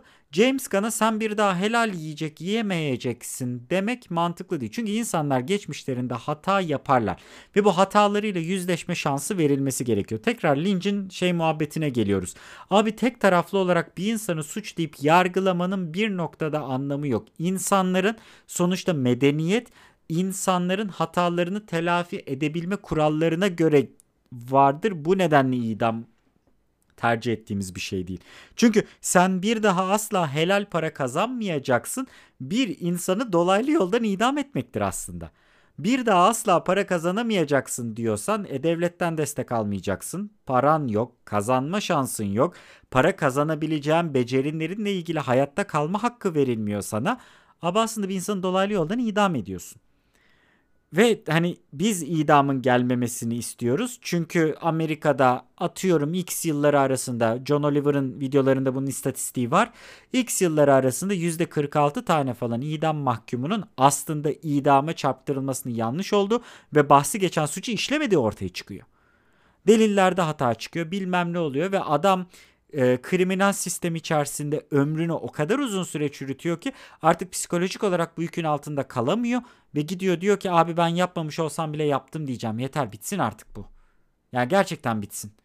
Da daha fazla dayanamayacağım yani diyor ve aradan işte 30 yıl geçtiğinde başka bir cinayette kullanılan başka bir silah çıkıyor. Birbirlerine DNA'ları tutuyor. Çünkü eskiden 1970'te yapılırken DNA yokmuş. Oha bizim aslında idam ettiğimiz işte John Jefferson adındaki adamın boşuna idam edildiği ve aslında bunu öldürenin işte beyaz, psikopat, racist bir tane sapık adam olduğu ortaya çıkıyor. Yani hani bunlardan dolayı biz idamdan uzak duruyoruz. Ama Şimdi bir de öteki taraf var. Bu arada James Gunn'ın olayında şöyle bir özetle geçeyim. Tekrar Disney ile olay sakinleşti. Ben de videoda şeyi demiştim. Bir şekilde toplumun gazı alındı mı? Çünkü toplum bilinçsiz abi. Senin dediğin IQ testine soksak insanlar çok düşük puanda çıkacak muhabbetine geliyor bu. İnsanlar bilinçsiz. 1980'lerde D&D ve metal müziğin e, D&D Dungeons and Dragons bilmeyenler için şey yapayım masaüstü FRP sistemi ve aynı zamanda heavy metal müziğin bu kadar tepki alması bir grup beyaz cumhuriyetçi senatörün beyaz cumhuriyetçi ve şımarık eşlerinin yapacak hiçbir şey bulamayıp çay partilerinden sıkılması sonucunda olmuş olan bir şey. Bununla ilgili çok fazla e, absürtlüğe kayan belgesel izleyebilirsiniz. Gerçekten bu kadınların oturup yani bizler senatör eşiyiz. Hiçbir vasfımız yok ki bu olabilir tercihin olabilir. Hiçbir vasfımız yok ama bu vasıfsızlığımızı saldıracak bir şeyler bulmaya harcayalım diyerek gerçekten hani iki tane farklı kavramı linç kültüründe dibe vurdurarak hani popüler e, sistem içerisinde linç kültüründe dibe vurdurarak gerçekten e, hani anca critical role'la falan yavaş yavaş masaüstü rol yapma oyunları tekrar toplumsal kabullenişe girmeye başladı. Ama yani bütün çektikleri bu 30 yıla yakındır sıkıntının kökeni gerçekten bir avuç kadının ay kek ve çay partilerimizden sıkıldık kendimize yeni bir uğraş bulmamız gerekli demesinden kaynaklanıyor. Abi insanlarımız sığır. Sadece Türkiye'de değil dünyada sığır. Avrupa'da da sığır, Amerika'da da sığır. Fransa'da, Paris'te çok tatlı bir arkadaşım var Florian diye. E, onunla konuşuyoruz. Herhangi bir şekilde şirketi İngilizce birisi telefonla aradı mı adamlar açmıyorlar telefonu. Cevap vermiyorlar. Florian alıyor açıyor. İngilizce konuşuyor. Ardından iş arkadaşları adamı aşağılıyorlar ya. Am niye açtın telefonla konuştun? Niye İngilizce konuşuyorsun sen? Adam diyor ki ben dünyayı gezdiğim zaman insanlarla konuşabileceğim ortak bir dil. Ama biz Frenchiz yani bizim üstümüzde bir şey olması kabul edilemez diyorlar. Yani dünyanın her yerinde var gerizekalı. Almanya'da da var, İskandinavya'da da, Norveç'te de var, İsveç'te de var, Zimbabwe'de de var, Güney Afrika, Afrika'da da her yerde var. Her yer gerizekalı dolu. Ya bu bunun istisnai bir yeri yok. Türkiye'de daha fazla daha az onları bilemem. Belki gerçekten geri kalan yerlerde yeteri kadar sündürüldüğü için sesleri de çıkmıyor olabilir abi. Onu da bilemeyeceğim. Ama bu geri zekalılıktan gelen bir şey sıkıntımız var.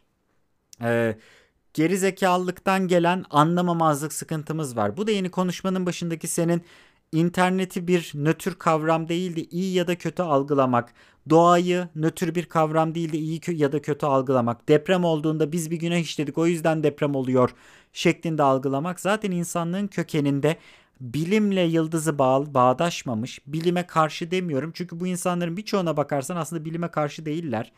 Yani sonuçta tıbbı seviyorlar bilmem ne. Aralarından astronomiyle astroloji değil astronomiyle ilgilenenler takım yıldızları bilenler kendi aralarında arkadaşların arasında işte sistem güneş sistemlerini falan konuşanlar bir iki tane cüce yıldız hakkında bilgisi olanlar var. Ama abi kara kedi gördükleri zaman korkuyorlar. Deprem olduğu zaman Merkür retrosu bizi yamulttu diyorlar falan. Yani aynı şeyleri diyebiliyorlar mesela. Yani bu, bu değişmiyor. Bu insanlar bilime karşı değiller ama bilimle özleri bağdaşmamış insanlar. Hep şey muhabbeti var ya birisi öldü mü doktordan iyileşti mi Allah'tan diye. Yani onun gibi olan kişiler. Evet, böyle olanlar abi ister istemez herhangi bir kavrama saldıracakları zaman bağlam kuramıyorlar. Çünkü zaten bilimle bağdaşamayan insanın özünde bağlam kuramamak vardır. Çünkü bilim dediğin şey kümülatif bir yığılmadır. Senden önce yapılan şeyler üst üste biner ve sen üstüne bir şeyler koyarsın. Bazen bir şeyleri doğrularsın, bazen bir şeylerin yanlış olduğunu gösterir, doğruyu çıkarırsın. Bilim o yüzden değişkendir. Ama kümülatiftir ve geçmişle bağ kurmanı, senden önceki yapılanlarla ya da senin dışında yapılanlarla bağ kurmanı gerektirir. O yüzden bilimle bağdaşmış insanlar illa fen matematik mezunu olanlar değil. Böyle de bir anlaşılmasın. Bilimle bağdaşmış olan insanlar bağlam kurabilirler. Bilimle bağdaşmamış insanlarsa mesela James Gunn'ı görürler. James Gunn diyor ki abi ben bir hata yaptım. O dönemde seçtiğim mizah çok yanlıştı. Bunun farkındayım. Ve hani bununla ilgili bana karşı uygulanabilecek herhangi bir şeyin de kabulüyüm. Dediği zaman zaten adamı görüyorsun James Gunn bununla ilgili sıkıntısını ortaya koyuyor. Ondan sonra DC Suicide Squad için zaten 2 için James Gunn'ı Disney kovduktan çok kısa süre sonra hemen ekibe aldı. Suicide Squad 2'nin fragmanları yayınlanıyor bu aralarda. James Gunn yazdı ve yönetti. Ve James Gunn Guardians of the Galaxy 3'ü yönetmek için geri gelecek. James Gunn Endgame'i yaparken Guardians of the Galaxy ile ilgili Russo Brothers kadar olmasa da en azından birkaç tane karakterlerle ilgili fikir de verdi yine MCU dünyasına. Yani halkın geri zekalıların gazı alındıktan sonra bir şekilde sistem eski haline dönebiliyor. Hani bilinçli olan insanlar hala koltuklarda oturduğu müddetçe, idiokrasi gibi bir dünyaya gitmediğimiz müddetçe bu olabiliyor. Ama demiştim arada oraya geri döneceğim. Ama şu var abi. Me Too movement'ta insanların başına gelen şey. Gerçekten bazı hataların geri dönüşü olmaması lazım. Şimdi bunun sınırını kim nerede çiziyor? Çok zor bir konu bu. Beni çok aşan bir konu.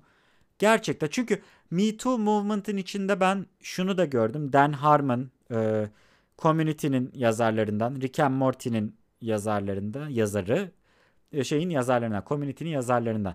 Mesela Dan Harmon'ın Me Too movement içerisinde gerçekten birkaç tane, iki tane olması lazım. Kadın e, yazara asistanlıktan başlayıp junior yazara gerçekten çok eziyet çektirdiği ortaya çıktı. Ve Dan Harmon e, şey aradı, redemption aradı tamam mı? Elinden ne gerekiyorsa yaptı adam. Orada olay abi kadınlara düşüyor. Oradaki iki kadının affedip affetmemesi olay burada. Şimdi e, işin içerisine psikoloji giriyor. Mesela e, Me Too Movement'ın en çok ortaya çıkardığı konulardan bir tanesi de şey oldu. İnsanların istemeye istemeye bilinçsizce aslında baskılandığı ilişkide ya da sosyal ilişkilerde illa sevgili değil kalmak durumunda kalması. Bunu ben her zaman anlayamam mesela. Yani her zaman bununla bağ kuramıyorum. Buna e, Big Bang Theory ile ilgili bir örnek vereceğim. Birazcık böyle senin bilmediğin dizilerden şey yapıyor olabilirim. Çoğu da tırt diziler bunlar. Özür diliyorum. Big Bang Theory ile ilgili şöyle bir olay vardır. E, eleştirilerde işte 4 tane nerd 1, 2, 3, 4 4 tane nerd'ün işte e, yaşamları ile ilgili e, cinsiyetçi şakaları vesaireleri hepsine katılıyorum ama Leonard'la Penny'nin ilişkisi var. Genelde hep şey söylenir. O kadar fazla baskı yaptı ki e, Leonard Penny'e. Penny en sonunda yelkenleri suya indirdi ve evliliği kabul etti. Abi Penny bugün Leonard'dan rahatsız oluyorsa ertesi gün Wi-Fi router'ı bozulduğunda o kapıyı çalmama lüksüne sahiptir. Ama hayat hem ay benimle vakit geçirmek için beni çok baskılıyor. Hem her işim düştüğünde onlarla görüşeyim. Yarın öbür gün işim düşer diye ben onları kol mesafesinde tutayım. Ama aynı zamanda onların bana gösterdiği her türlü yakınlıkla ilgili eleştiride bulunayım. Hem benim isteklerimi ücretsiz hiçbir karşılık olmadan yerine getirsinler. Sırf benim kara kaşım kara gözümden ve aynı zamanda cazibeli göğüslerimden dolayı. Ama aynı zamanda da beni hiçbir şekilde baskılamasınların örneğidir Big Bang Theory. Me Too Movement'taki her şey böyledir demiyorum diyemem öyle bir şey yetkim yok olayları bilmiyorum zaten. Anlatıldığı kadarını bilebiliriz. Ama birinci önceliğin e, cancer culture'da yapan kişi ve yapılan kişi arasında olduğunu düşünüyorum. Yapılan kişinin affetme ve affetmemeye dair bir argümanı olmalı. Yani ben eğer Me Too movement'ta kapının önünde kapı kapatılıyorsa, pantolon indiriliyorsa Terry Chews'dan örnek vereceğim bir erkek olarak. Terry Chews bu arada ağır e, kaslı olan şey abimiz. E, Brooklyn Nine-Nine'da falan da oynayan abimiz. Terry Crews aynen.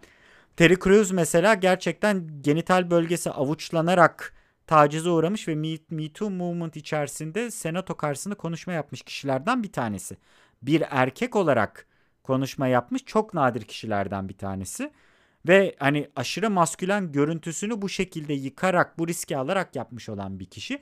Şimdi Terry Crews'un başına gelen durumda kraldan çok kralcı olup Terry Crews'un ona yapılan şeyle ilgili saldırıya geçmeyi doğru bulmuyorum. Gerekli de bulmuyor. Öncelikle abi Terry Crews bu konuyu konuşmalı. Dan Harmon'ın e, kişiyle konuştuğu gibi ki bildiğim kadarıyla o iki yazar da Dan Harmon'ı affetti. Çünkü Dan Harmon yaptıklarını çünkü e, çok fazla ot kullanan eden bir insan yaptıklarını anlattı karşı tarafa ve karşı taraf yaptıklarından yeterli miktarda acıyı çektiğine kanaat getirdiği için affetmeyi seçti. Şimdi böyle bir olay olduktan sonra abi toplumsal olarak bizim bir şey söylemeye hakkımız olur muyu düşünüyorum. Bu sırada aklıma şu gelir. Court appointed bir psychiatrist gelmeli atıyorum. Yani mahkemenin atadığı bir psikiyatrist gelip bu affeden kişiler kadın ya da erkek Dan Harmon'ın e, tacizine maruz kalan kadınlar ya da Terry Crews e, bu kararı verebilecek zihinsel stabiliteye sahip mi? Diye bir görüş belirtebilir. Ve eğer bu görüş sonucunda evet bu kişiler psikolo psikolojik olarak yerinde ve affetmeyi seçiyor dedikten sonra abi artık bizim toplumsal olarak bir linç uygulamaya hakkımız olduğunu düşünmüyorum. Yani buna da verebileceğim en sınırları belirleyebilecek, en kuralları koyabilecek, en hukuksal olarak bir metin yazıyor olsaydım Alexander Hamilton'ın bilmem neyim falan filanım diye. Geçenlerde Hamilton'ı izledim bu arada çok güzel bir şeymiş, e, müzikalmiş. Onu da araya sıkıştırayım. Hani öyle bir yerde oturduk da elimize bir kural kitabı verdiler. Bu kuralları yazmamız gerekti dense muhtemelen böyle yazardım. Hani bu sığ çok bir şey bilmeyen kafamla yazacak olsam böyle yazardım abi. Ne, nasıl oldu? Hemen bir toplayalım. Ee, birincisi kişilerin e, yaptıkları şeylerle ilgili davranışlarına bakılmalı. İkincisi yapılan kitlenin öncelikli olarak karar vermesine izin verilmeli. Üçüncüsü verilen karara dair kararın psikolojik olarak kökenlerinin düzgün olup olmadığına dair bağımsız bir hakem tarafından değerlendirilmeli. Eğer işte değilse bu sefer kararı onun yerine hakem üzerinden birisi vermeli ya da kişi tamir edilmeli ondan sonra verilmeli. Ve ondan sonra da geri kalan toplumun bu kişiye yaptıkları ile ilgili şeyle e, şeye dair bir tepkisi olacaksa öncelikli olarak bu kişinin yorumları üzerinden almalı. Yani Terry Crews eğer kendisini taciz eden kişiyi affetmeyi seçtiyse sen gidebilirsin abi ben senden tiksiniyorum. Zamanında Terry Crews'a bunu yapmışsın. Ben bundan çok rahatsızım. Ben bunu sindirememiş olabilirim ama Terry Crews sindirdi. Yapılan kişi odur. Yapan kişi sensin ve o seni affettiğine göre ben en azından sana somurtarak da olsa çayını getirebilirim diyebilmeli kişi. Hani olayı da böyle. Bu arada Terry Crews'un affedip affetmemesiyle ilgili bilmiyorum. Tümüyle farazi bir örnek yaptım orada onu da söyleyeyim. Diye söylüyorum abi. Ne diyeyim diye bilemedim yani. Bu, bu noktada artık Sarp yine adalet dağıtarak bir e, Şokken Teker yayınında gayet güzel noktalara taşıdı. E, dilerseniz bu podcast'imizi burada sonlandıralım. E, zaman şeylerimizi yine bayağı bir uzattık. Aynen Şeyleri, aynen. Ya, diğer konuyu bir de bir şey yapacağım. Tam da biz podcast'i çekerken bu arada abi. Onu konuşmaya başlamıştık ama ona ona vakit kalmadı bir anlamda. O aynen aynen. O konuyu sindireceğim daha. Güzel bir şey. Ee, gelecek hafta onu da konuşuyor oluruz. Hem birazcık daha belki dedikodular çıkıyor olur. Hem birazcık teknolojik hem birazcık kullanım açısından bir alete gireceğiz. Bu bu sefer çok böyle güzel ama çok keyifli oldu ya. Hani özür diliyorum yine her zamanki gibi. Her yayında ben özür dilediğim için Geçen onunla ilgili de bir üniversite e, öğretim görevlisi yazmış. Arkadaşlar bana her mesaj attığınızda hocam kusura bakmayın hocam özür dilerim yazmayın. Zaten bana mesaj attığınız yerler benim size cevap vereceğim yerler. Bana soru sormanız da gayet normal ama siz sürekli özür dileyince ben de kendimi kötü hissediyorum demiş. hani normal ben de her programda arkadaşlar çok uzun süre konuştum özür dilerim deyince benimki de öyle oluyor. Abi ya da konuş diye şey yapıyorum. Ben de kesintisiz konuşuyorum. Ben biraz daha hızlı konuşuyorum. Evet ben bir de ağır ağır geniş geniş aldığım için bir de bazen. Ama bugünkü konularımız çok güzel kendiliğinden gelişi. Bu arada arkadaşlar hemen bir insider behind the scenes şey söyleyeyim. Biz başlarken konularımızı az çok belirliyoruz. Ama bazen hiç belirlediğimiz konulara girmiyoruz. Evet o belirlediğimiz konuyla ilgili mesela bugün benim LinkedIn'de yazdığım yorumu da katabiliriz işin içine. Evet. Yani bir açıdan en azından. Bu şey gibi abi yani evet. E, bir, bir minik bir spoiler vereyim. E, bu birisinin yorumu, bir nine yorumu bu aslında. E, bana ait değil. E, evet diyor işte akıllı bir saat diyor benim kalp atışımı ve e, ölçebilir, EKG'mi çekebilir, işte bilmem neyimi yapabilir ama ya kusura bakma ben Konstantin Vacheron'umu istiyorum ya demiş. Öyle yani gerçekten. Hatta senin yorumundan sonra ben de işte dayanamayıp yazdım. Ee, Gördüm. Çünkü ger- gerçekten çok anlamsız bir konu. O anlamsızlığı da bir gün yine podcast'te taşırız.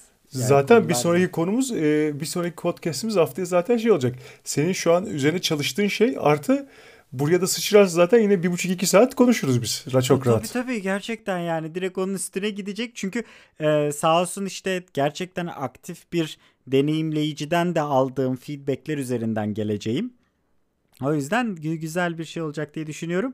Ama gerçekten bizi dinlediği için herkese tekrar teşekkürler. Arkadaşlar Twitter'dan, Instagram'dan yani çok gelin tekerin Twitter'da, Instagram'ı da var. Berkin de ben de iki koldan elimizden geldiğince bakıyoruz. Hani e, bizlerle bir şeyler paylaşmak, soru sormak vesaire etmek istiyorsanız da oraları belirtebilirsiniz. Mesela daha önce 6. bölümdü galiba. Sizden gelen soruları vesaireleri toplayıp onları bir bölüme sıkıştırmıştık. Yani o tür şeylerden ya da işte abi şunu şunu demiştiniz bakın şurada şöyle şöyle de bir video var diye bir şeyler paylaşmak isterseniz onları da oralara atabilirsiniz. Hani tabii ki her gün 3-4 saat mesai ayırmıyoruz ama elimizden geldiği kadar bakıyoruz. Hani bir bağ kuralım. Buradayız yani tek taraflı olmaya gerek yok. Etkileşim, etkileşim, etkileşim. Location, location, location. O olmadı. O ba- başka bir şey. Evet aynen öyle. O zaman teşekkür ediyoruz herkese. Görüşmek dileğiyle. Şen ve esen kalın. Hoşçakalın.